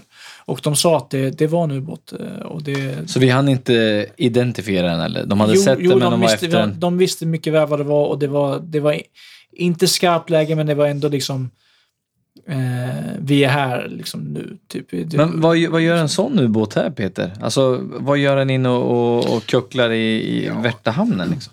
Nej, så långt. Nej, så inte så kanske, långt, nej, det det kanske inte var så långt in. Men, alltså just Men en ubåt kan ju både vara en, eh, en transportmöjlighet för att få in personal i landet här som inte kan gå via Arlanda och alla kamerorna där. Utan som det är lilla sändlistan på hur de ser ut. Va, va, De kan va, ju- Är det spioner menar du som de för in eller? Ja, det är he- ja, spioner hette det väl förut va? men de kan ju ha uppgifter som operatörer då. Att utföra något speciellt jobb och sen ta en Danmarksbåt eller en Finlandsbåt ut ur landet här sen efter de har slutfört sitt uppdrag. det finns ju många sägner eller vad man säger, berättelser om, om att de har hittat dykarutrustning bara liksom ute i skogen vid skärgården. Och, och Ja, ja. Är det då de så har släpps, släpps av liksom? Slussas de ur en under? Man slussar ur då eh, ur ubåten och sen har man någon mottagare som kanske kommer i en gummibåt och nattetid så har de ju kanske glasögon på sig så att de ser eh, var eh, dykarna poppar upp då. Det är en riktig Hamilton. På det, det? är ett eh, förfaringssätt som är vedertaget från Och det här är, eftersom du har filmat mycket och du har jobbat väldigt mycket med, med militären så, så det här är liksom, det är inte film utan det är så här det går till. Och, Det är ju en vardag för några människor med en specialistkompetens då. när du filmar så här under, liksom, säg, säg ubåten och så vidare, vad, vad är det du filmar då? Vad är ditt uppdrag? Eller om, ta några exempel. Ja, alltså de två större filmerna jag har gjort då för Försvarsmakten, de heter Jakten i djupen och den andra heter eh, Objudna besökare. Där har vi alltså speglat med eh, bilder och sekvenser på avbrutna magnetslingor i vattnet. Eh, Bandspår på botten, alltså stora stenar som har eh, förflyttats kanske 15-17 meter när en ubåt har varit trängd och, och fått eh, sjunkbomber på sig så att de har varit tvungna att dra. Då.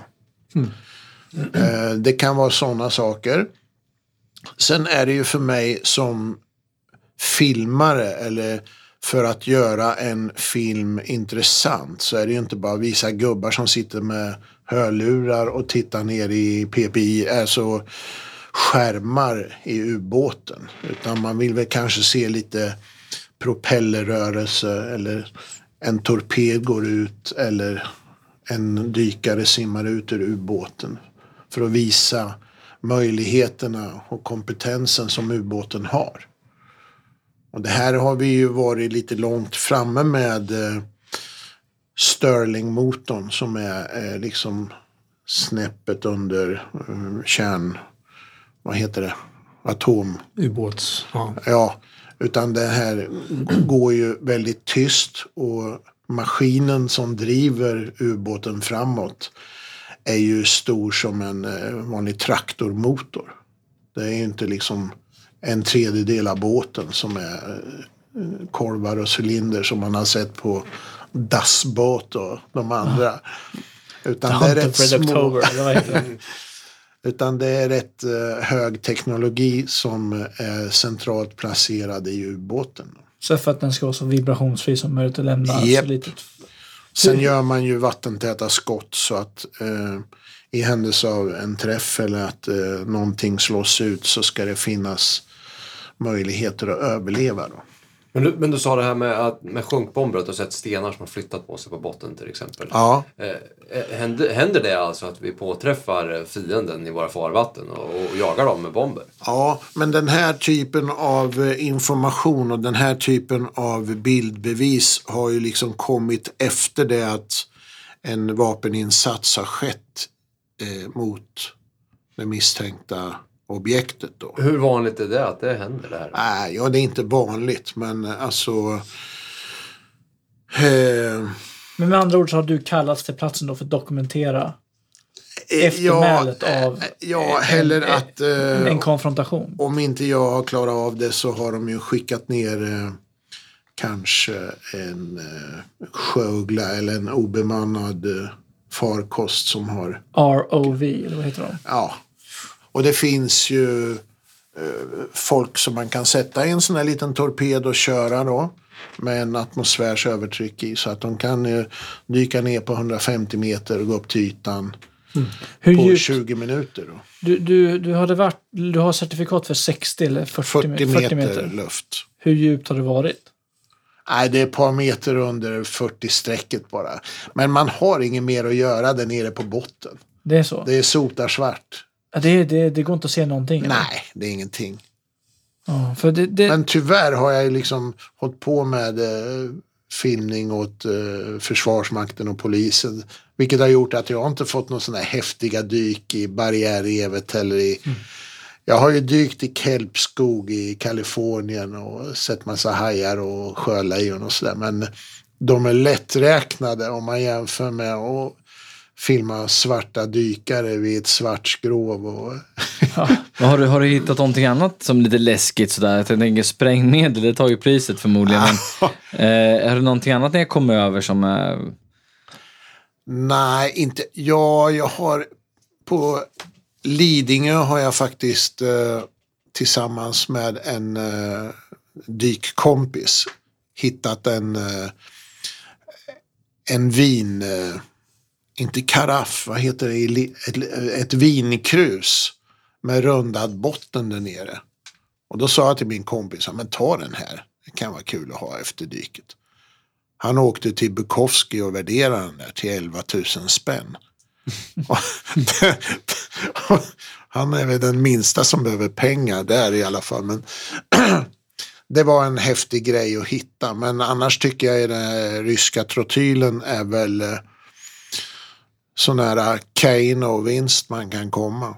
Men du, du, Peter, du har ju sagt att vi har pratat vid flera gånger du och jag, men du har ju pratat om att uh, man har hittat saker flyt i land på, ja, på kuststräckor i Sverige och på Gotland och som är ryska grejer. Ja, ja. Liksom. Är, Dykare och...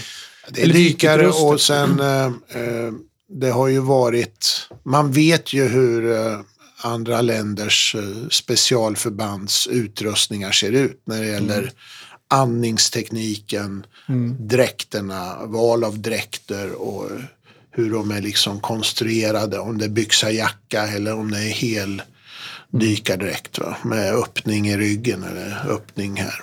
Jag, jag pratade med en bekant till oss som eh, är intresserad av det, det här också. Han hade hittat, en kille hade ringt till honom. De hade hittat, jag tror inte det var du Peter som sa det. De hade hittat en rysk eh, dyk, hela utrustningen i en bikupa. Var det du? Nej, Nej, det här var en, en hel utrustning med slutet system. ja just det. Alltså Det high-tech måste grejer. det ju vara för att... Och den var gömd i, i bikupan. Ja, ja. Då, Det, bi, det måste vara en väldigt stor bil. Ja, men det är, nej, men det är en vanlig... Nej, det behöver Ja, inte jag vara. menar en sån här. Ja, nu är jag med. Mm. Det räcker ju. Det är som en, en liten hockeybag. Får du ner allt. Fenor och mask och det slutna systemet. Och, eh, men det är som jag sa tidigare här med brevlåda. Man vill ju liksom inte röja sig med massa fel prylar på sig om man blir tagen av. Jag hört ett rykte också om på Gotland så finns det vid vid vattnet och hamnarna finns det ryska... precis vad du säger. Var det det? Ja, men då kan du den här bättre än mig för jag vet inte riktigt. Nej, men eh, jag, jag har en kompis som flög till Gotland en gång. Och då, eh, då frågade han, ja, han satt ju bredvid sin ki, eller en passagerare där då. Så frågade, pratade de lite så här. Så frågade han, vad, vad gör du då? Ah, jag är och eh, eh, kollar hamnarna, godkänner dem så att de är, vid händelse av krig så ska man ju kunna spränga hamnarna så att de blir obrukbara. Ja. Så då hade han varit på Gotland då, en hamn där. Och där eh, visade sig att det fanns eh, fästen på hamnarna för ryska landstigningsbåtar.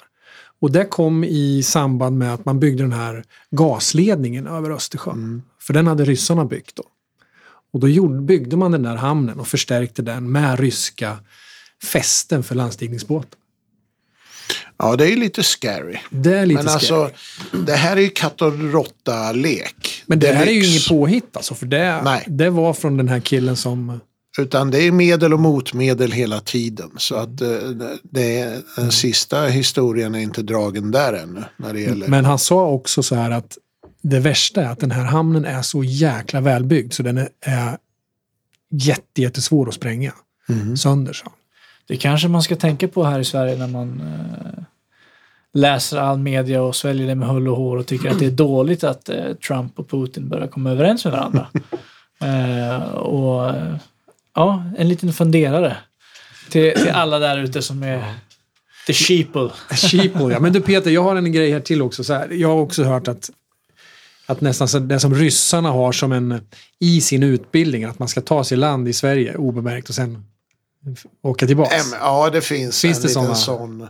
Att man tar någon eh, skylt eller att man eh, får med sig någon trofé. Är som att ta simborgarmärket ungefär. Ja, och det är därför de har haft känningar inne vid eh, Erstaviken och Baggensfjärden. Och det finns några andra ställen vid Fjärdlång där det är rätt långa, djupa, vad säger man, dalar som ubåten kan gå relativt tyst och obemärkt.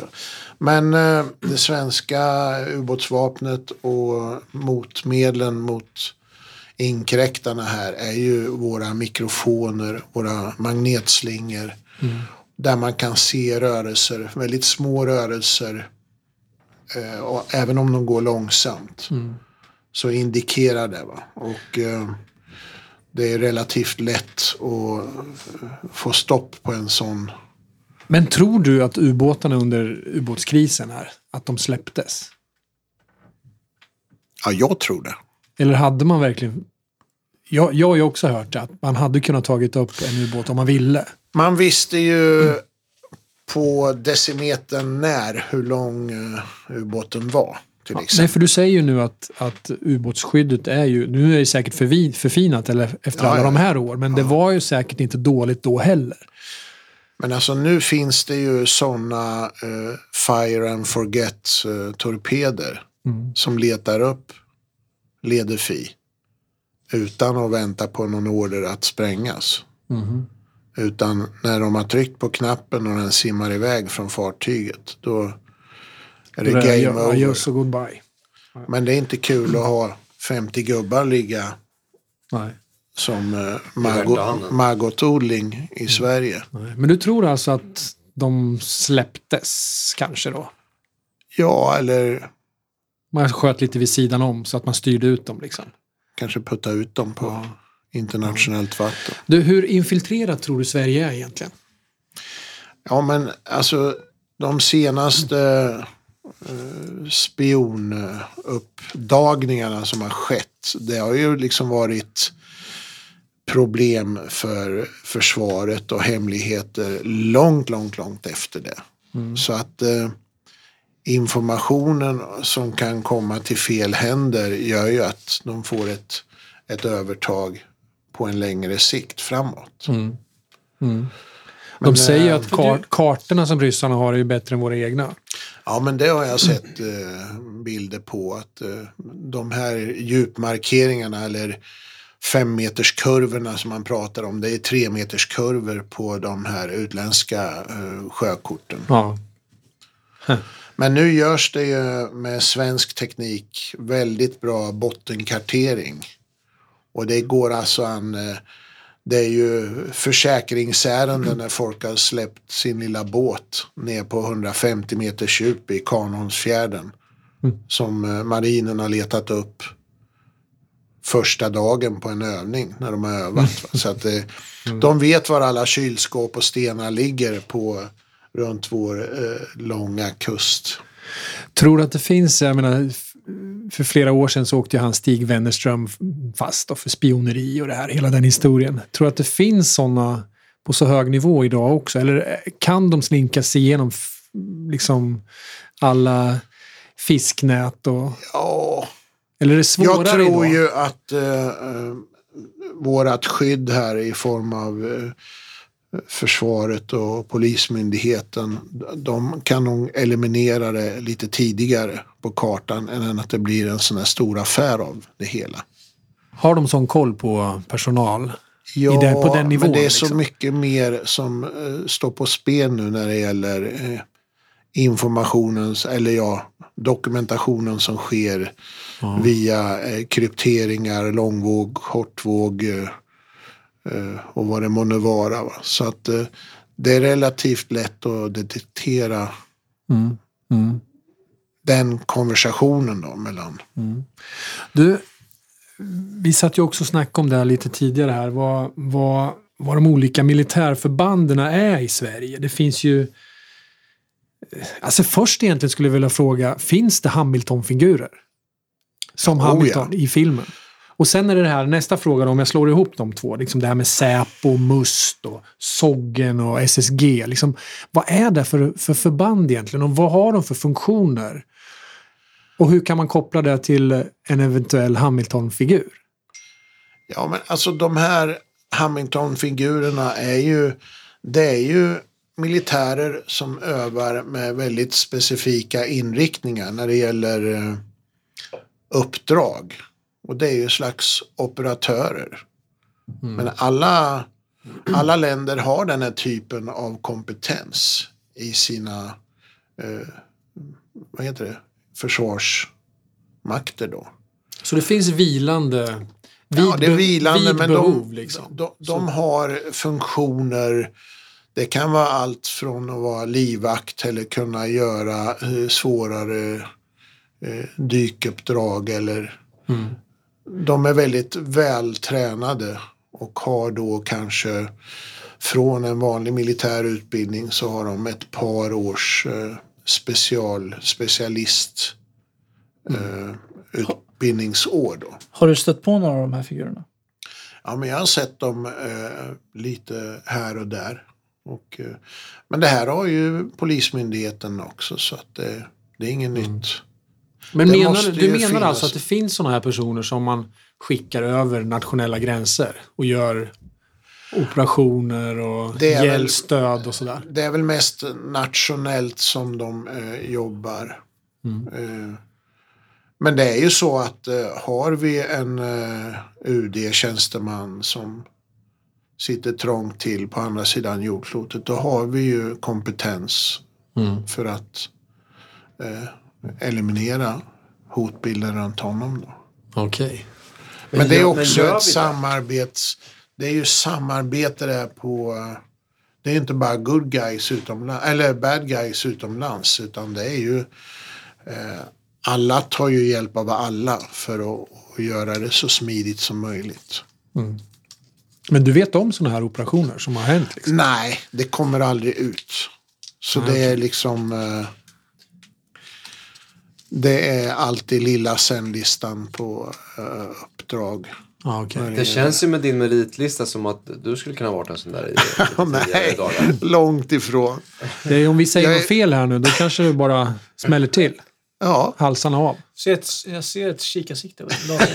Vi har röd Prick punkt. som har lett sig runt rummet här. Nej men det är ju så här, jag har ju kommit väldigt långt med filmkameran och mina älgstudsare och hagelbussar. Så att eh, det är på den nivån jag har fått agera. Men, Men- eh, jag, eh, Du har ju varit i då havets djup och Ja. botten. Eh, in, innan jag går vidare så bara, hur, hur känns det att, att kliva runt på botten där när en stor ubåt kommer förbi? Är inte det en väldigt konstig och... ja, nu har jag varit så fok- fokuserad på mina uppdrag.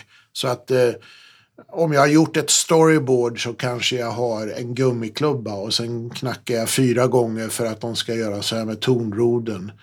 Eller om det är en miniubåt så, så gör jag tecken att nu får du åka iväg med eh, farkosten. Och då har jag filmat så nära som möjligt men fortfarande så att jag går säker ifrån eh, dusan med eh, propellrarna i. Då. Men eh, när det gäller att filma ett eh, torpedskott då har jag ju kanske 7-8 minuter på mig att ta upp, gå upp till ytan och sätta mig i en båt. Om då torpeden skulle vända någonstans så kan de ju autodestruera torpeden. Styra ner den i botten. Så att den, men då sitter jag ju i båt. Ja, ja, exakt. Men då har du varit i havets botten. Men du är också utbildad för du, du tål G-krafter och har varit... Ja, jag, har fått, eh, jag har fått av flygmedicin då eh, gjort alla de testerna för att jag ska kunna filma ifrån ett, eh, en jetkärra. Och eh, jag har fått prova de här G, G-slungan. Då var det på Karolinska men eh, jag har bara fått vara uppe i 5G då. Men, Tuppar eh, du av eller? Nej, Nej. jag klarar mig. Fem, 5G, är det, är det fem gånger din egen kroppsvikt? Ja. Och jag kan tyvärr inte säga hur mycket jag skulle ha vägt då. Men Jag var inte skrynklig i ansiktet eller? Nej, men man sitter ju, sen får man ju coaching ifrån han eh, doktorn som sitter utanför eh, den här. eh, Det är ju en cockpit och sen på andra sidan är det en motvikt då. Sen är det ju som en, en högersväng hela tiden. Men då säger de, nu är det tre sekunder tills vi gör 2G då. Då är det 3, 2, 1. Och sen får man bara andas och försöka skita så att man behåller all blod uppe i, ovanför diafragman då. Man spänner sig Man spänner sig mycket då. liksom. Det är för att inte få en greyout då, eller Ja. blackout. Alltså ett blodtrycksfall egentligen som gör att man tappar Ja, ja. Att blod åker ner i fötterna och sen... Men nu har man ju pantalon bizarre. Vad kan det vara? Några långkalsonger? Nej, G-dräkter. Mm, Det är ju det är ett slags underställ som trycker, i, Pantalones. som trycker i eh, luft i benen och armarna vid bikepsen här. Va? Så att då stannar blodet kvar i, i bukhålan och i... Kän, känns det som man åker runt, runt eller känns det som man bara trycks bak? Nej, men det är som en sväng snett uppåt hela tiden. Okej.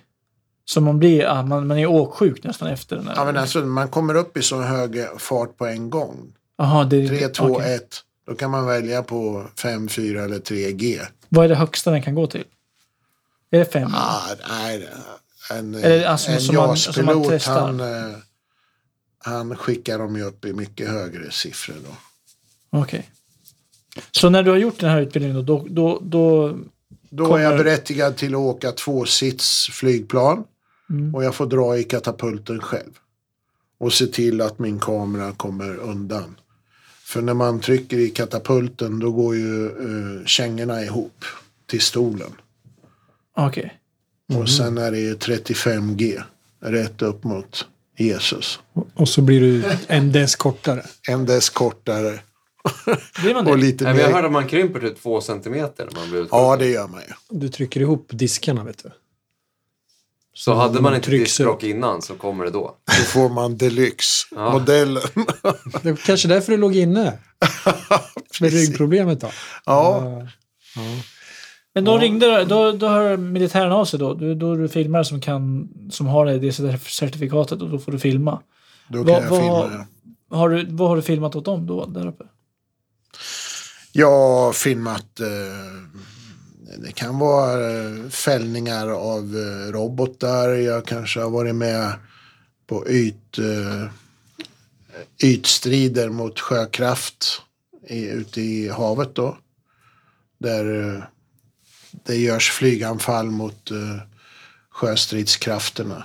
Eller så har det varit flyguppvisningar. Tidigare hade de ju något som hette N6 Skåne.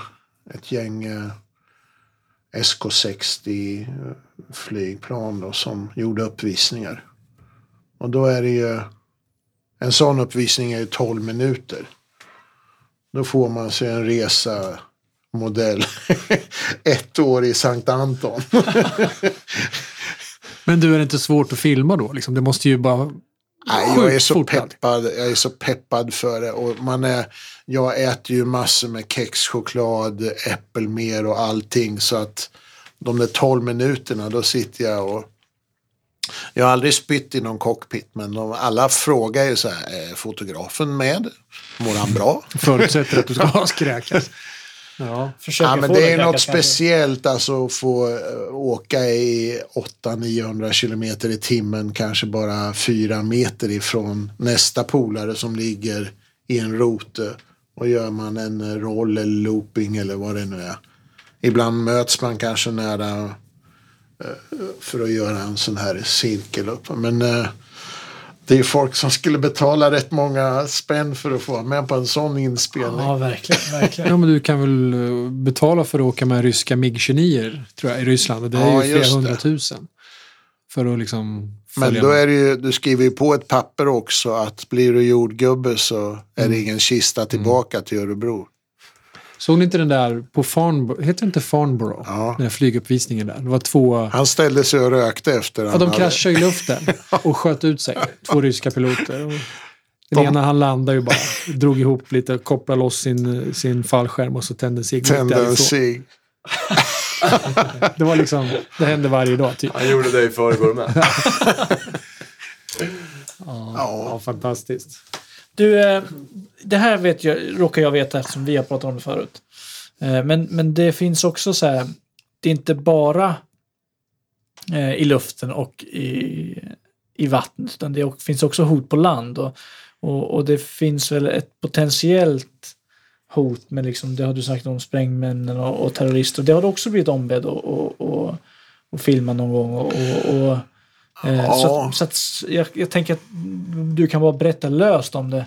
Eh, så att folk i Sverige förstår att, att den svenska militären är faktiskt förberedd på att någonting sånt här kan hända. Ja, man gör ju scenarion vad som skulle kunna hända. Och man gör ju också då en hotbildsanalys och den kan man ju gradera upp på olika sätt. Sen beror det ju också på vad det är för folk som kommer till Sverige. Alltså, någon från Israel eller Turkiet har ju med sig ett implanterat hot när de kommer hit. Kommer det någon från Oslo då är det ju inte liksom riktigt samma säkerhetsuppdåd runt omkring det. Då. Men eh, man planerar ju hela tiden och gör ju omvärldsanalyser varje timme vad som sägs om statsbesöket i Sverige eller vad som har kommit in i form av hot.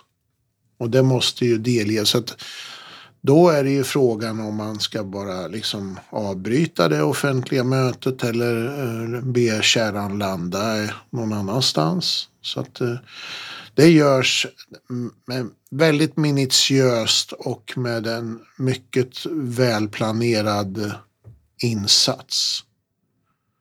Just för att vara med på noterna i händelse av kuling. För, för den här situationen som jag pratade om var ju en, e- e- ett potentiellt scenario som du skulle filma.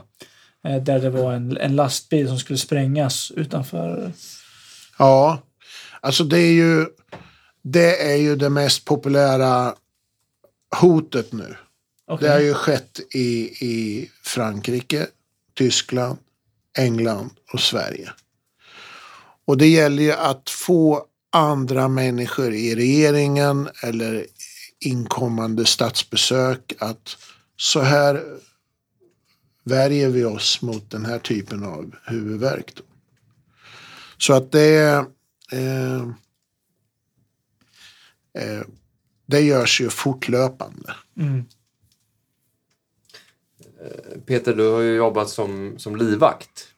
Ja, det har varit åt eh, några speciella personer och det har varit vid utlandsvistelse och några som har varit i Sverige också då med en hotbild på sig. Är det politiker vi pratar om eller vilken Nej. typ av yrkeskategorier? Jag kan inte säga vilken typ av människor. Det kan vara folk med rätt mycket pengar eller som har åsikter åt något håll. Okej, är, det så, blir du, är du anlitad då privat eller, eller genom försvaret? Eller? Nej, nej, det har varit eh, privat då som jag har fått göra det. Och, och som livvakt, eh, funkar det så då att du, du ska ta en kula för personen till exempel? Eller? Ja, alltså man har ju skyddsväst på sig. Men det gäller ju att försöka få bort skyddsobjektet så snabbt som möjligt innan det hinner bli kulregn eller något sånt där. Hur, hur, ehm, hur upptäcker hur arbetar du för att hitta en potentiell fara i en folksamling till exempel? Eh, Man tittar ju efter eh, ansikten, blickar, hur händer rör sig. Om de har händerna i fickan eller om de är nervösa. Man kan ju se om de har om de lackar i pannan på dem eller något sånt där. Det kan ju vara yttre. Eller så vet man att det här är en kille med glasögon och ser ut så här och förekommer med de här färgerna på jackan. Rör du dig ogärna själv i folksamlingar idag? Nej, jag älskar folksamlingar. ja, okej. Jag älskar det och jag tycker det är Nej, så kul att se. Jag bor ju på vischan själv så jag tycker det är Det är roligt kul att att se få. människor. Ja, men i alla former. Och det är klart. Ja.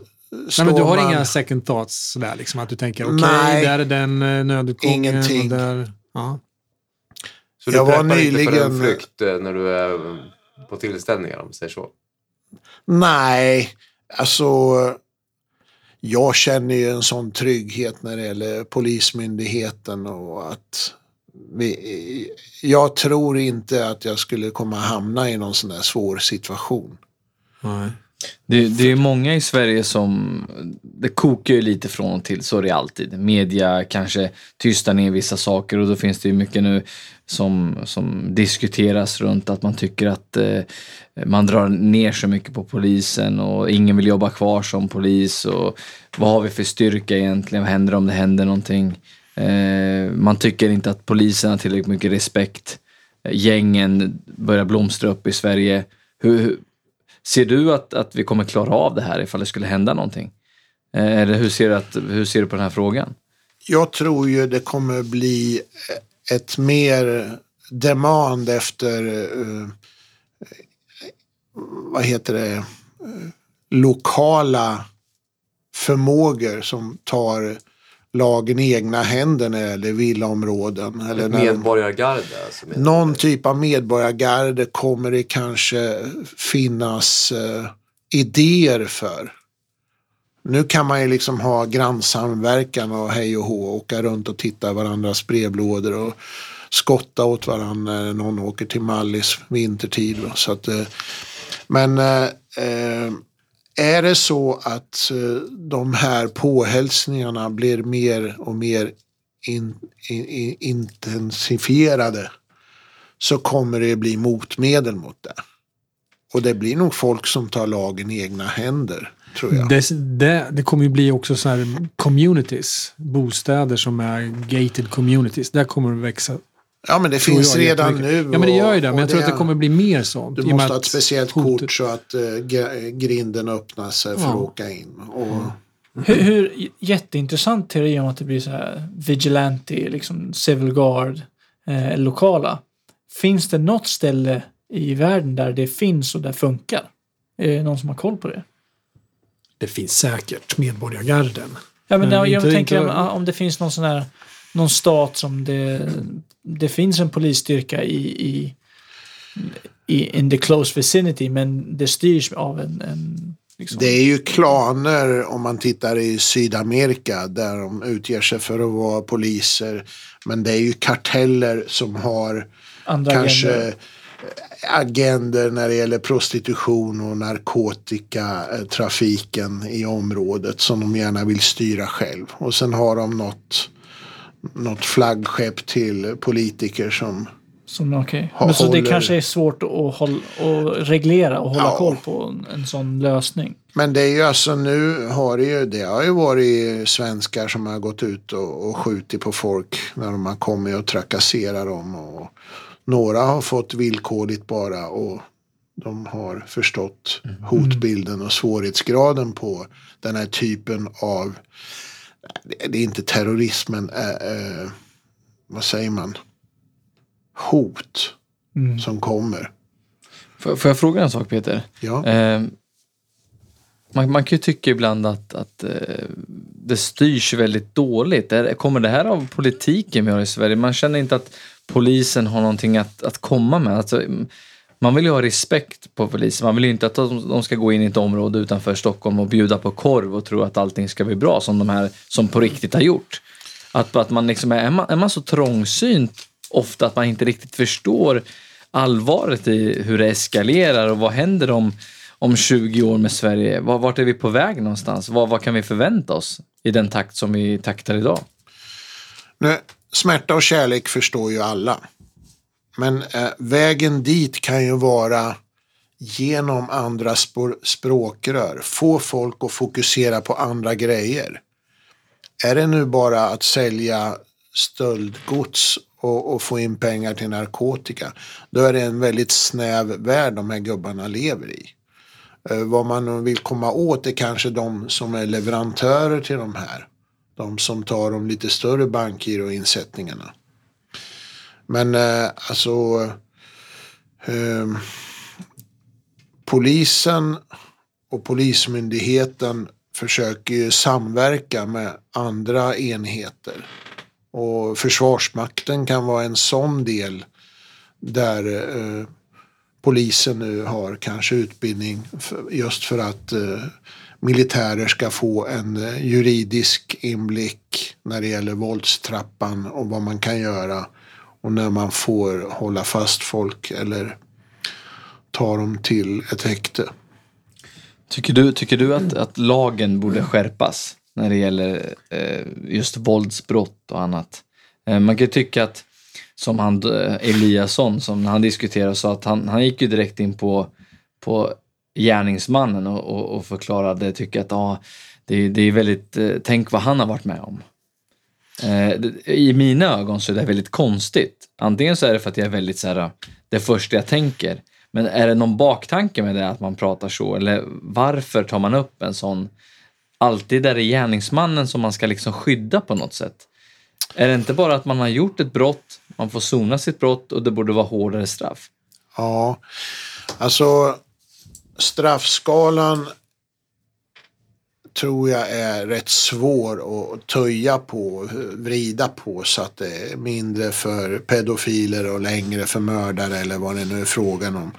Eh, jag tror ju att åklagarmyndigheten och tingsrätterna kommer ha en policy på ett speciellt sätt när det gäller den här typen av kriminalitet.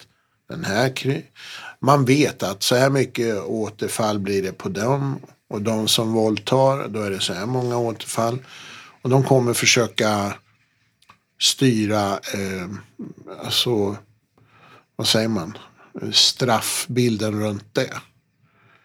Men det är ju alltså, jag tror inte det är så roligt för en poliskonstapel att skriva in en buse och sen är det en åklagare som ber honom kliva ut på andra sidan huset två timmar senare. Och han gör ett nytt identiskt brott på eftermiddagen. Det skapar ju en irritation i en organisation. De vet att det är fullt på häktet. Det här kommer bli avskrivet.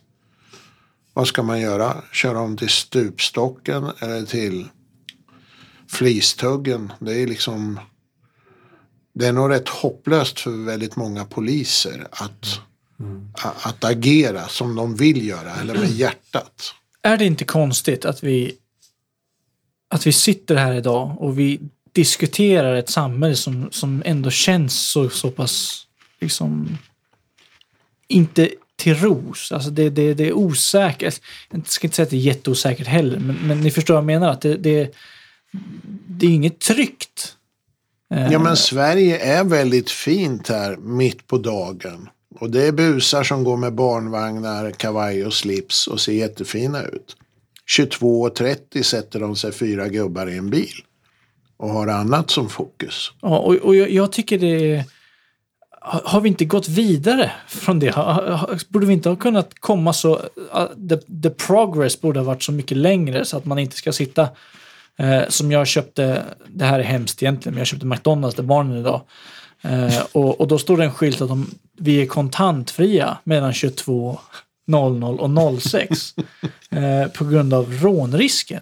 Och det här står på en, en stor så här, gatupratare vid drive-in. Alltså vad fan, det är 2018, kom igen. Ska vi ha sådana här problem i samhället?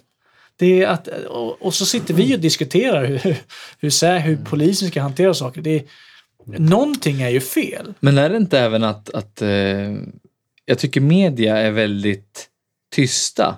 Alltså just när det gäller mycket brott och mycket våldsbrott framför allt. Eh, av mina kontakter i poliskåren och av vänner som jobbar så är det ju, de upplever ju saker som är väldigt grova varje dag.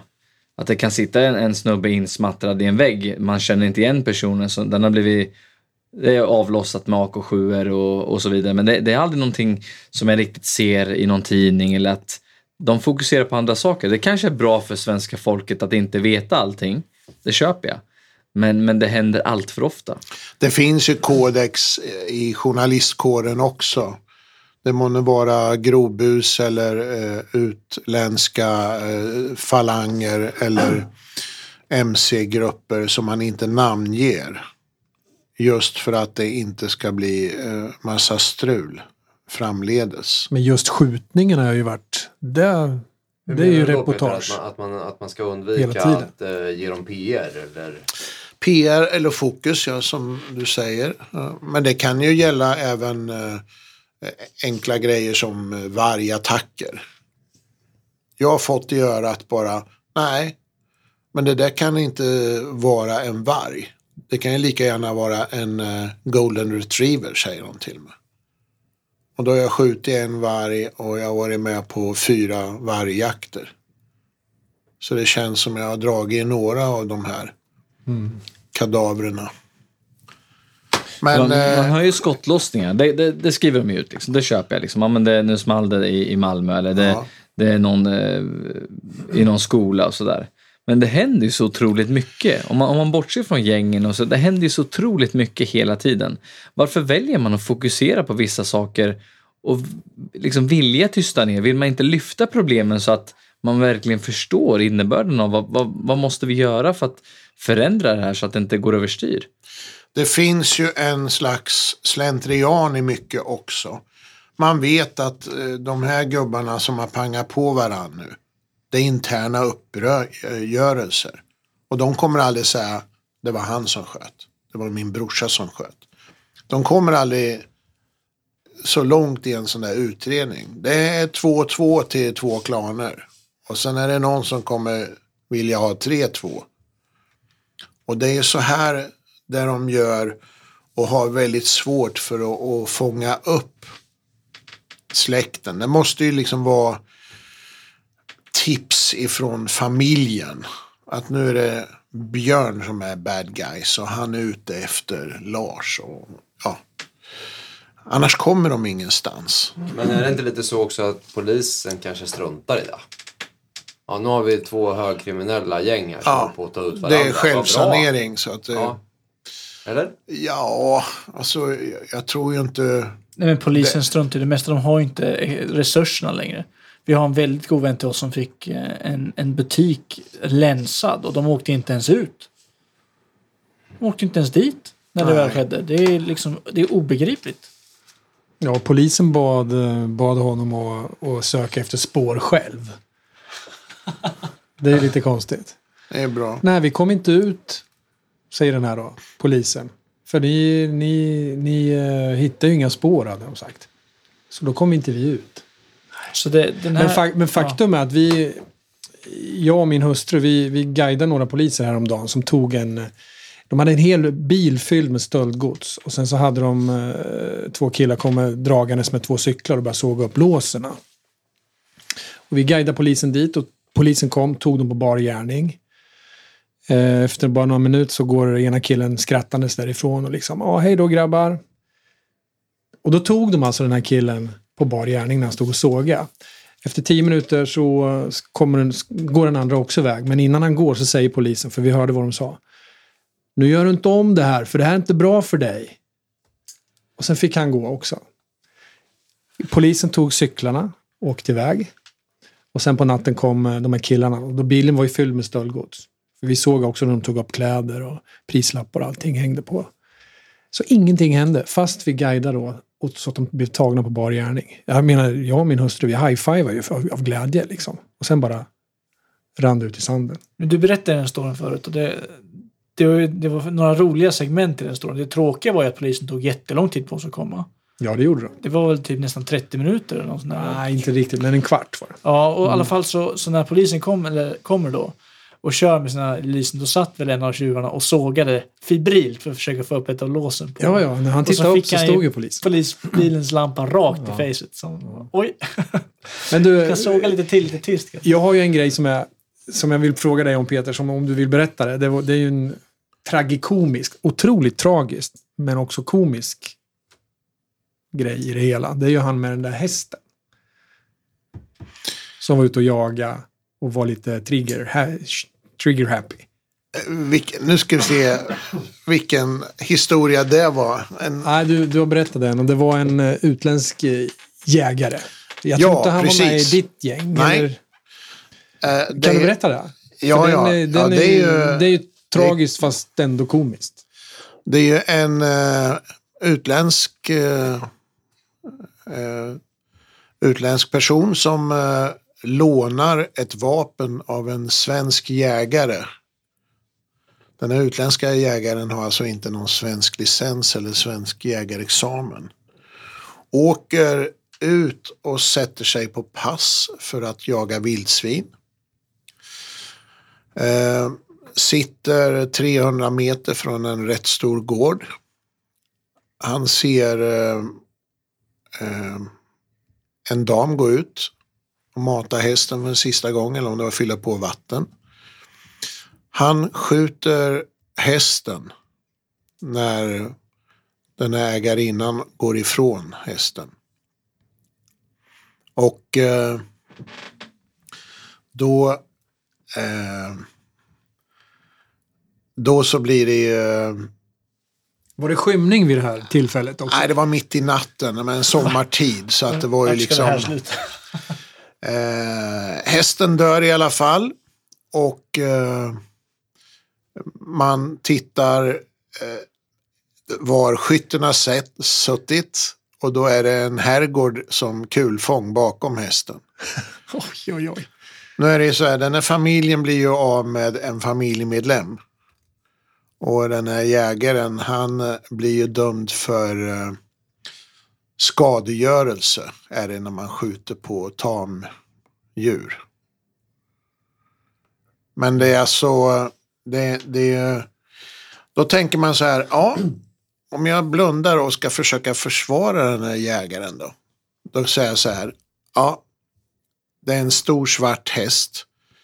Och det är så här att då tror han att det är en galt som går på en väldigt eh, nyklippt gräsmatta eller eh, en hage. Men det är bara det att den här hästen hade ju ett myggtäcke på sig i kaki. Så den är rätt långt ifrån vildsvins-siluetten. Hur stor var hästen? Får jag fråga det här? Ja, kanske ett par 150 kilo eller något sånt där. Hur ser vildsvinen ut i hans land? Ja, Kakifärgade? Det var täcke på sig. Ja, nej, så att eh, det, finns ju väldigt udda eh, jaktbrott som har skett i Sverige här. Och eh, det är därför vi är väldigt noga med säker vapenhantering och du får bara ladda på pass och göra patronur på pass. Och jag är väldigt noga med att säga vilka individer du får skjuta också. Det är räv och grävling och hare och sen är det kanske rådjur och en älgkalv. Men vad händer med personen i fråga som har lånat ut vapnet till den här jägaren? Ja, han behöver ju inte fundera på jakt fem år framöver i alla fall.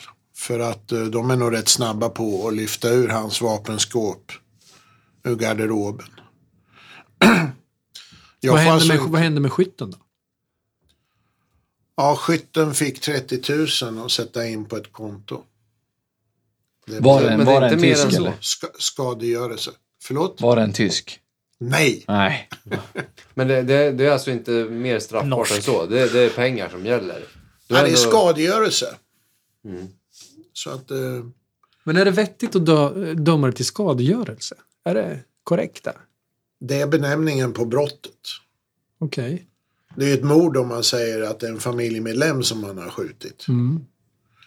Ja, det hästägaren känner säkert så. Ja, ja, ja. Då, då har jag en, en fråga till dig. Eh, jag har lite bekanta som har blivit av med får. Eh, och det är så att sista gången så, så, så såg de händelsen. Och eh, oftast blir det att de försvinner. Det är inte så att de dödar fåret på plats. Eller liksom. Nej, men de Eh, slaktar eh, och tar med sig den i någon Ja, hästtransport. fast eller? nu, nu, den här gången tog de med fåret i bilen. Ja, den är ju bra. Ja, de kidnappade alltså ett får från dem. Och det här är ingen skämt.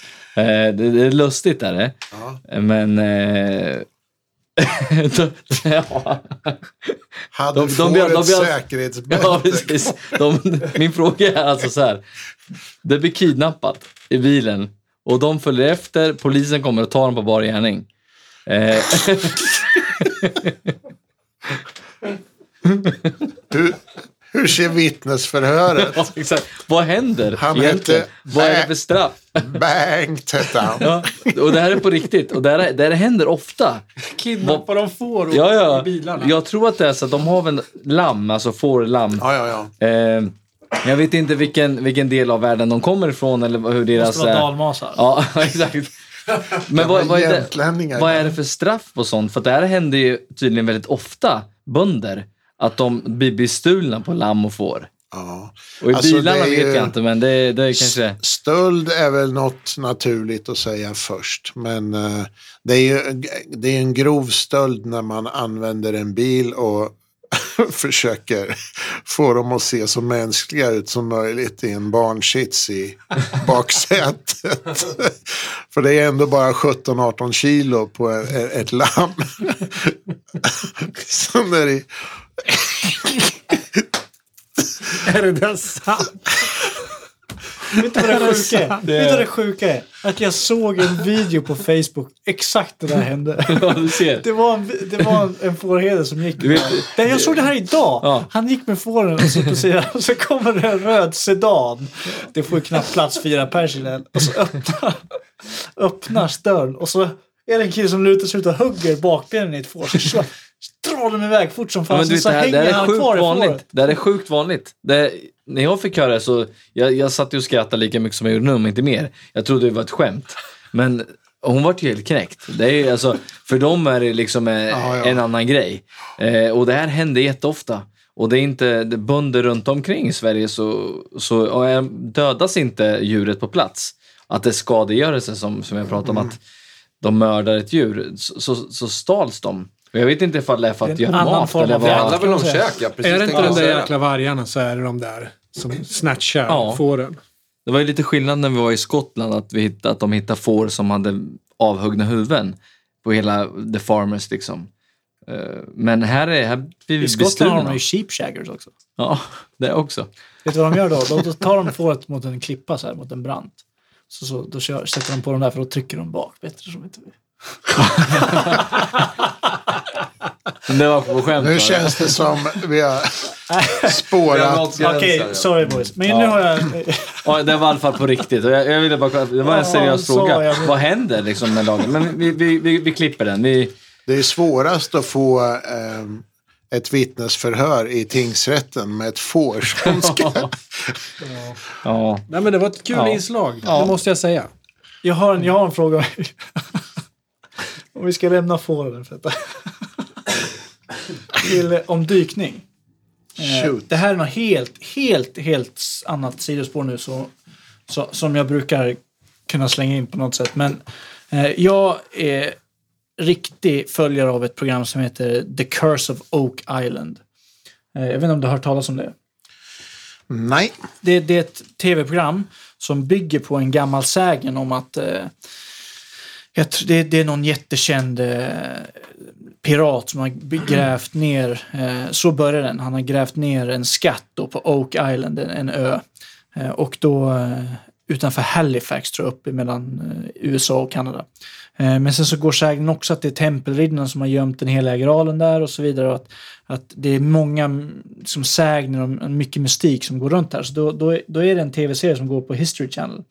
Där det handlar om att de har liksom eh, i, ungefär hundra år nu försökt att gräva upp de här, den här skatten. Och det, det, den, den är fantastisk Jag ska, ska inte avslöja för mycket. Ehm, men på 1800-talet så hittade de, då, då var det några som hade följt någon karta. De hittade, grävde på en plats, hittade tre kister, hittade guld i en av kisterna. Men för varje tio fot så var det så här eh, träplankor som de har lagt.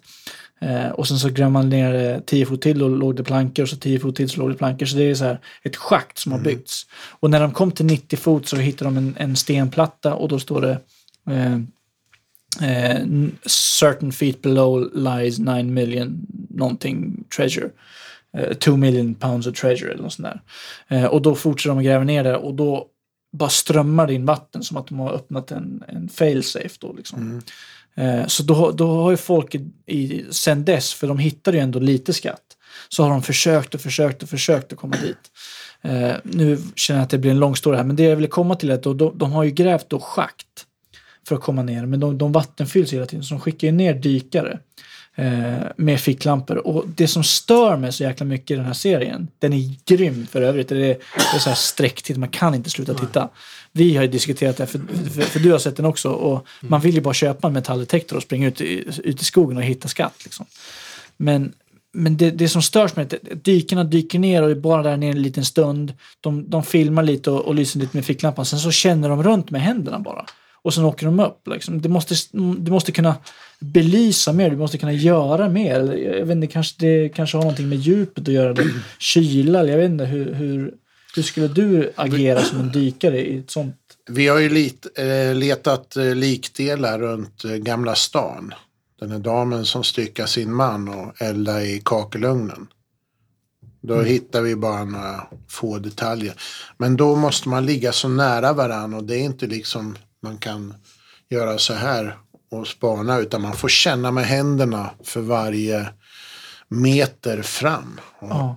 Det är Och det är lika spännande varje gång när det ligger någon eh, lax på sidan som det är syrebrist i. Då. För de stänger ju av forsen vid eh, Rosenbad. Så det, inte, det blir det ju syrefattigt hela vägen ner mot Grand Hotel där. Men då måste man ju känna med händerna. Så det är ju varje kvadratdecimeter är ju en handpåläggning så här. För det, för det är precis så de går tillväga när de är nere i ett av de här schakten. Eh, de har då hittat ett hålrum eh, där, de, där de, de har fått upp liksom, eh, träplankor när de har borrat. Och det, det ska inte vara träplankor på det djupet. Eh, och då, då, då går dykarna ner och så här, känner med händerna. Och jag bara tänker, vad fan, de måste ju kunna titta, de måste ju kunna... Men det är så det man går Ja, ja, tillväga. måste man göra. Är det metall så kan man ju ha en eh, Det har de också. metalldetektor. Det finns ju undervattens... eh, För det kan ju inte vara något problem med vatten. Vattnet är ju klart. Alltså det är ett klart vatten, är det inte det? Eller är det gr- grumligt vatten? Nej, problemet är ju att det är ju... Alltså det är ju Grumligt. Ström. sediment där Sediment. under som, som, ja. som gör att det, det vrider till så blir det ingen sikt. Liksom. Ja, men då blir det dillsås överallt. Så att man är tvungen att använda händerna. Det finns Ja. ingen annan möjlighet. Om ni inte har sett, jag kan rekommendera till våra, våra Wanderers där ute att om ni inte har sett The Curse of Oak Island tror jag den heter, jag är inte säker. finns fem, Det är eller, korrekt. fem eller sex säsonger. Det är sträcktittning på det där. Jag tycker är- nästan det är de här så- sista är bra, kan jag tycka. Ja, men gud, Nästan, ja, de är nästan bäst, kan jag tycka. Ja, det går lite segt framåt i början, men det är ju, det är ju man, man vill ju bara dit och gräva själv, som sagt. Och, Men, men du, nu när du har haft en lite tillbaka hopp här så kan jag också göra det till dig Peter. Shoot. Det här med um, svenska militärer är ju liksom högt aktade ute i, i världen.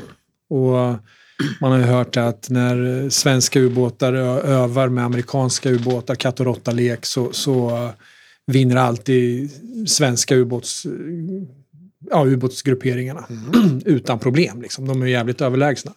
Och samma med, med militärer också. Ute i olika övningar man gör så är, så är svenska militären jäkligt duktiga. Vad har du att säga om det? Är det så? Eller är det bara någon lyckotänkande som vi svenskar har? Nej, det är så för att eh, den svenska marinen har ju fått eh, handla i eh, ett väldigt eh, knepigt hav när det gäller eh, berg och dal och kallt och varmt vatten.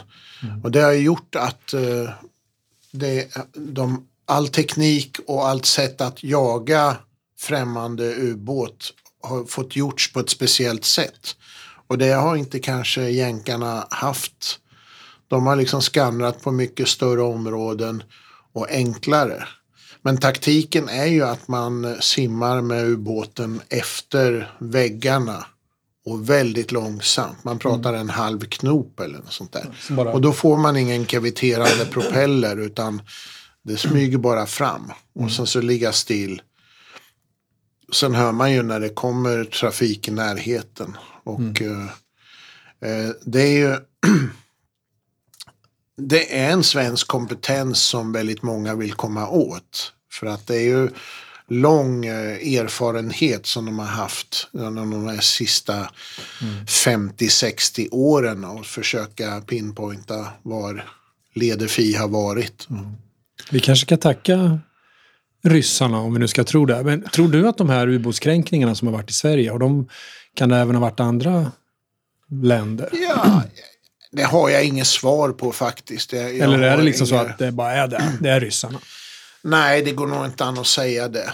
Men eh, det finns väl några i Sverige som vet om att ubåten var 48 meter, komma 2 decimeter. Och Tittar man i facit då så är det kanske bara en ubåtstyp som kommer Som från finns. Ja, en speciell. Nej, men då stämmer ju det där som du säger då med, med svenska ubåtar och militärer. Ja, det stämmer. Och eh, de har försökt eh, få ta del så mycket som möjligt av den tak taktiska eh, sättet att eh, fightats mot eh, främmande fartyg under vattnet. Ja, intressant. Vad mycket, vad mycket vi har div- dividerat nu tycker jag. Idag har vi lärt oss mycket.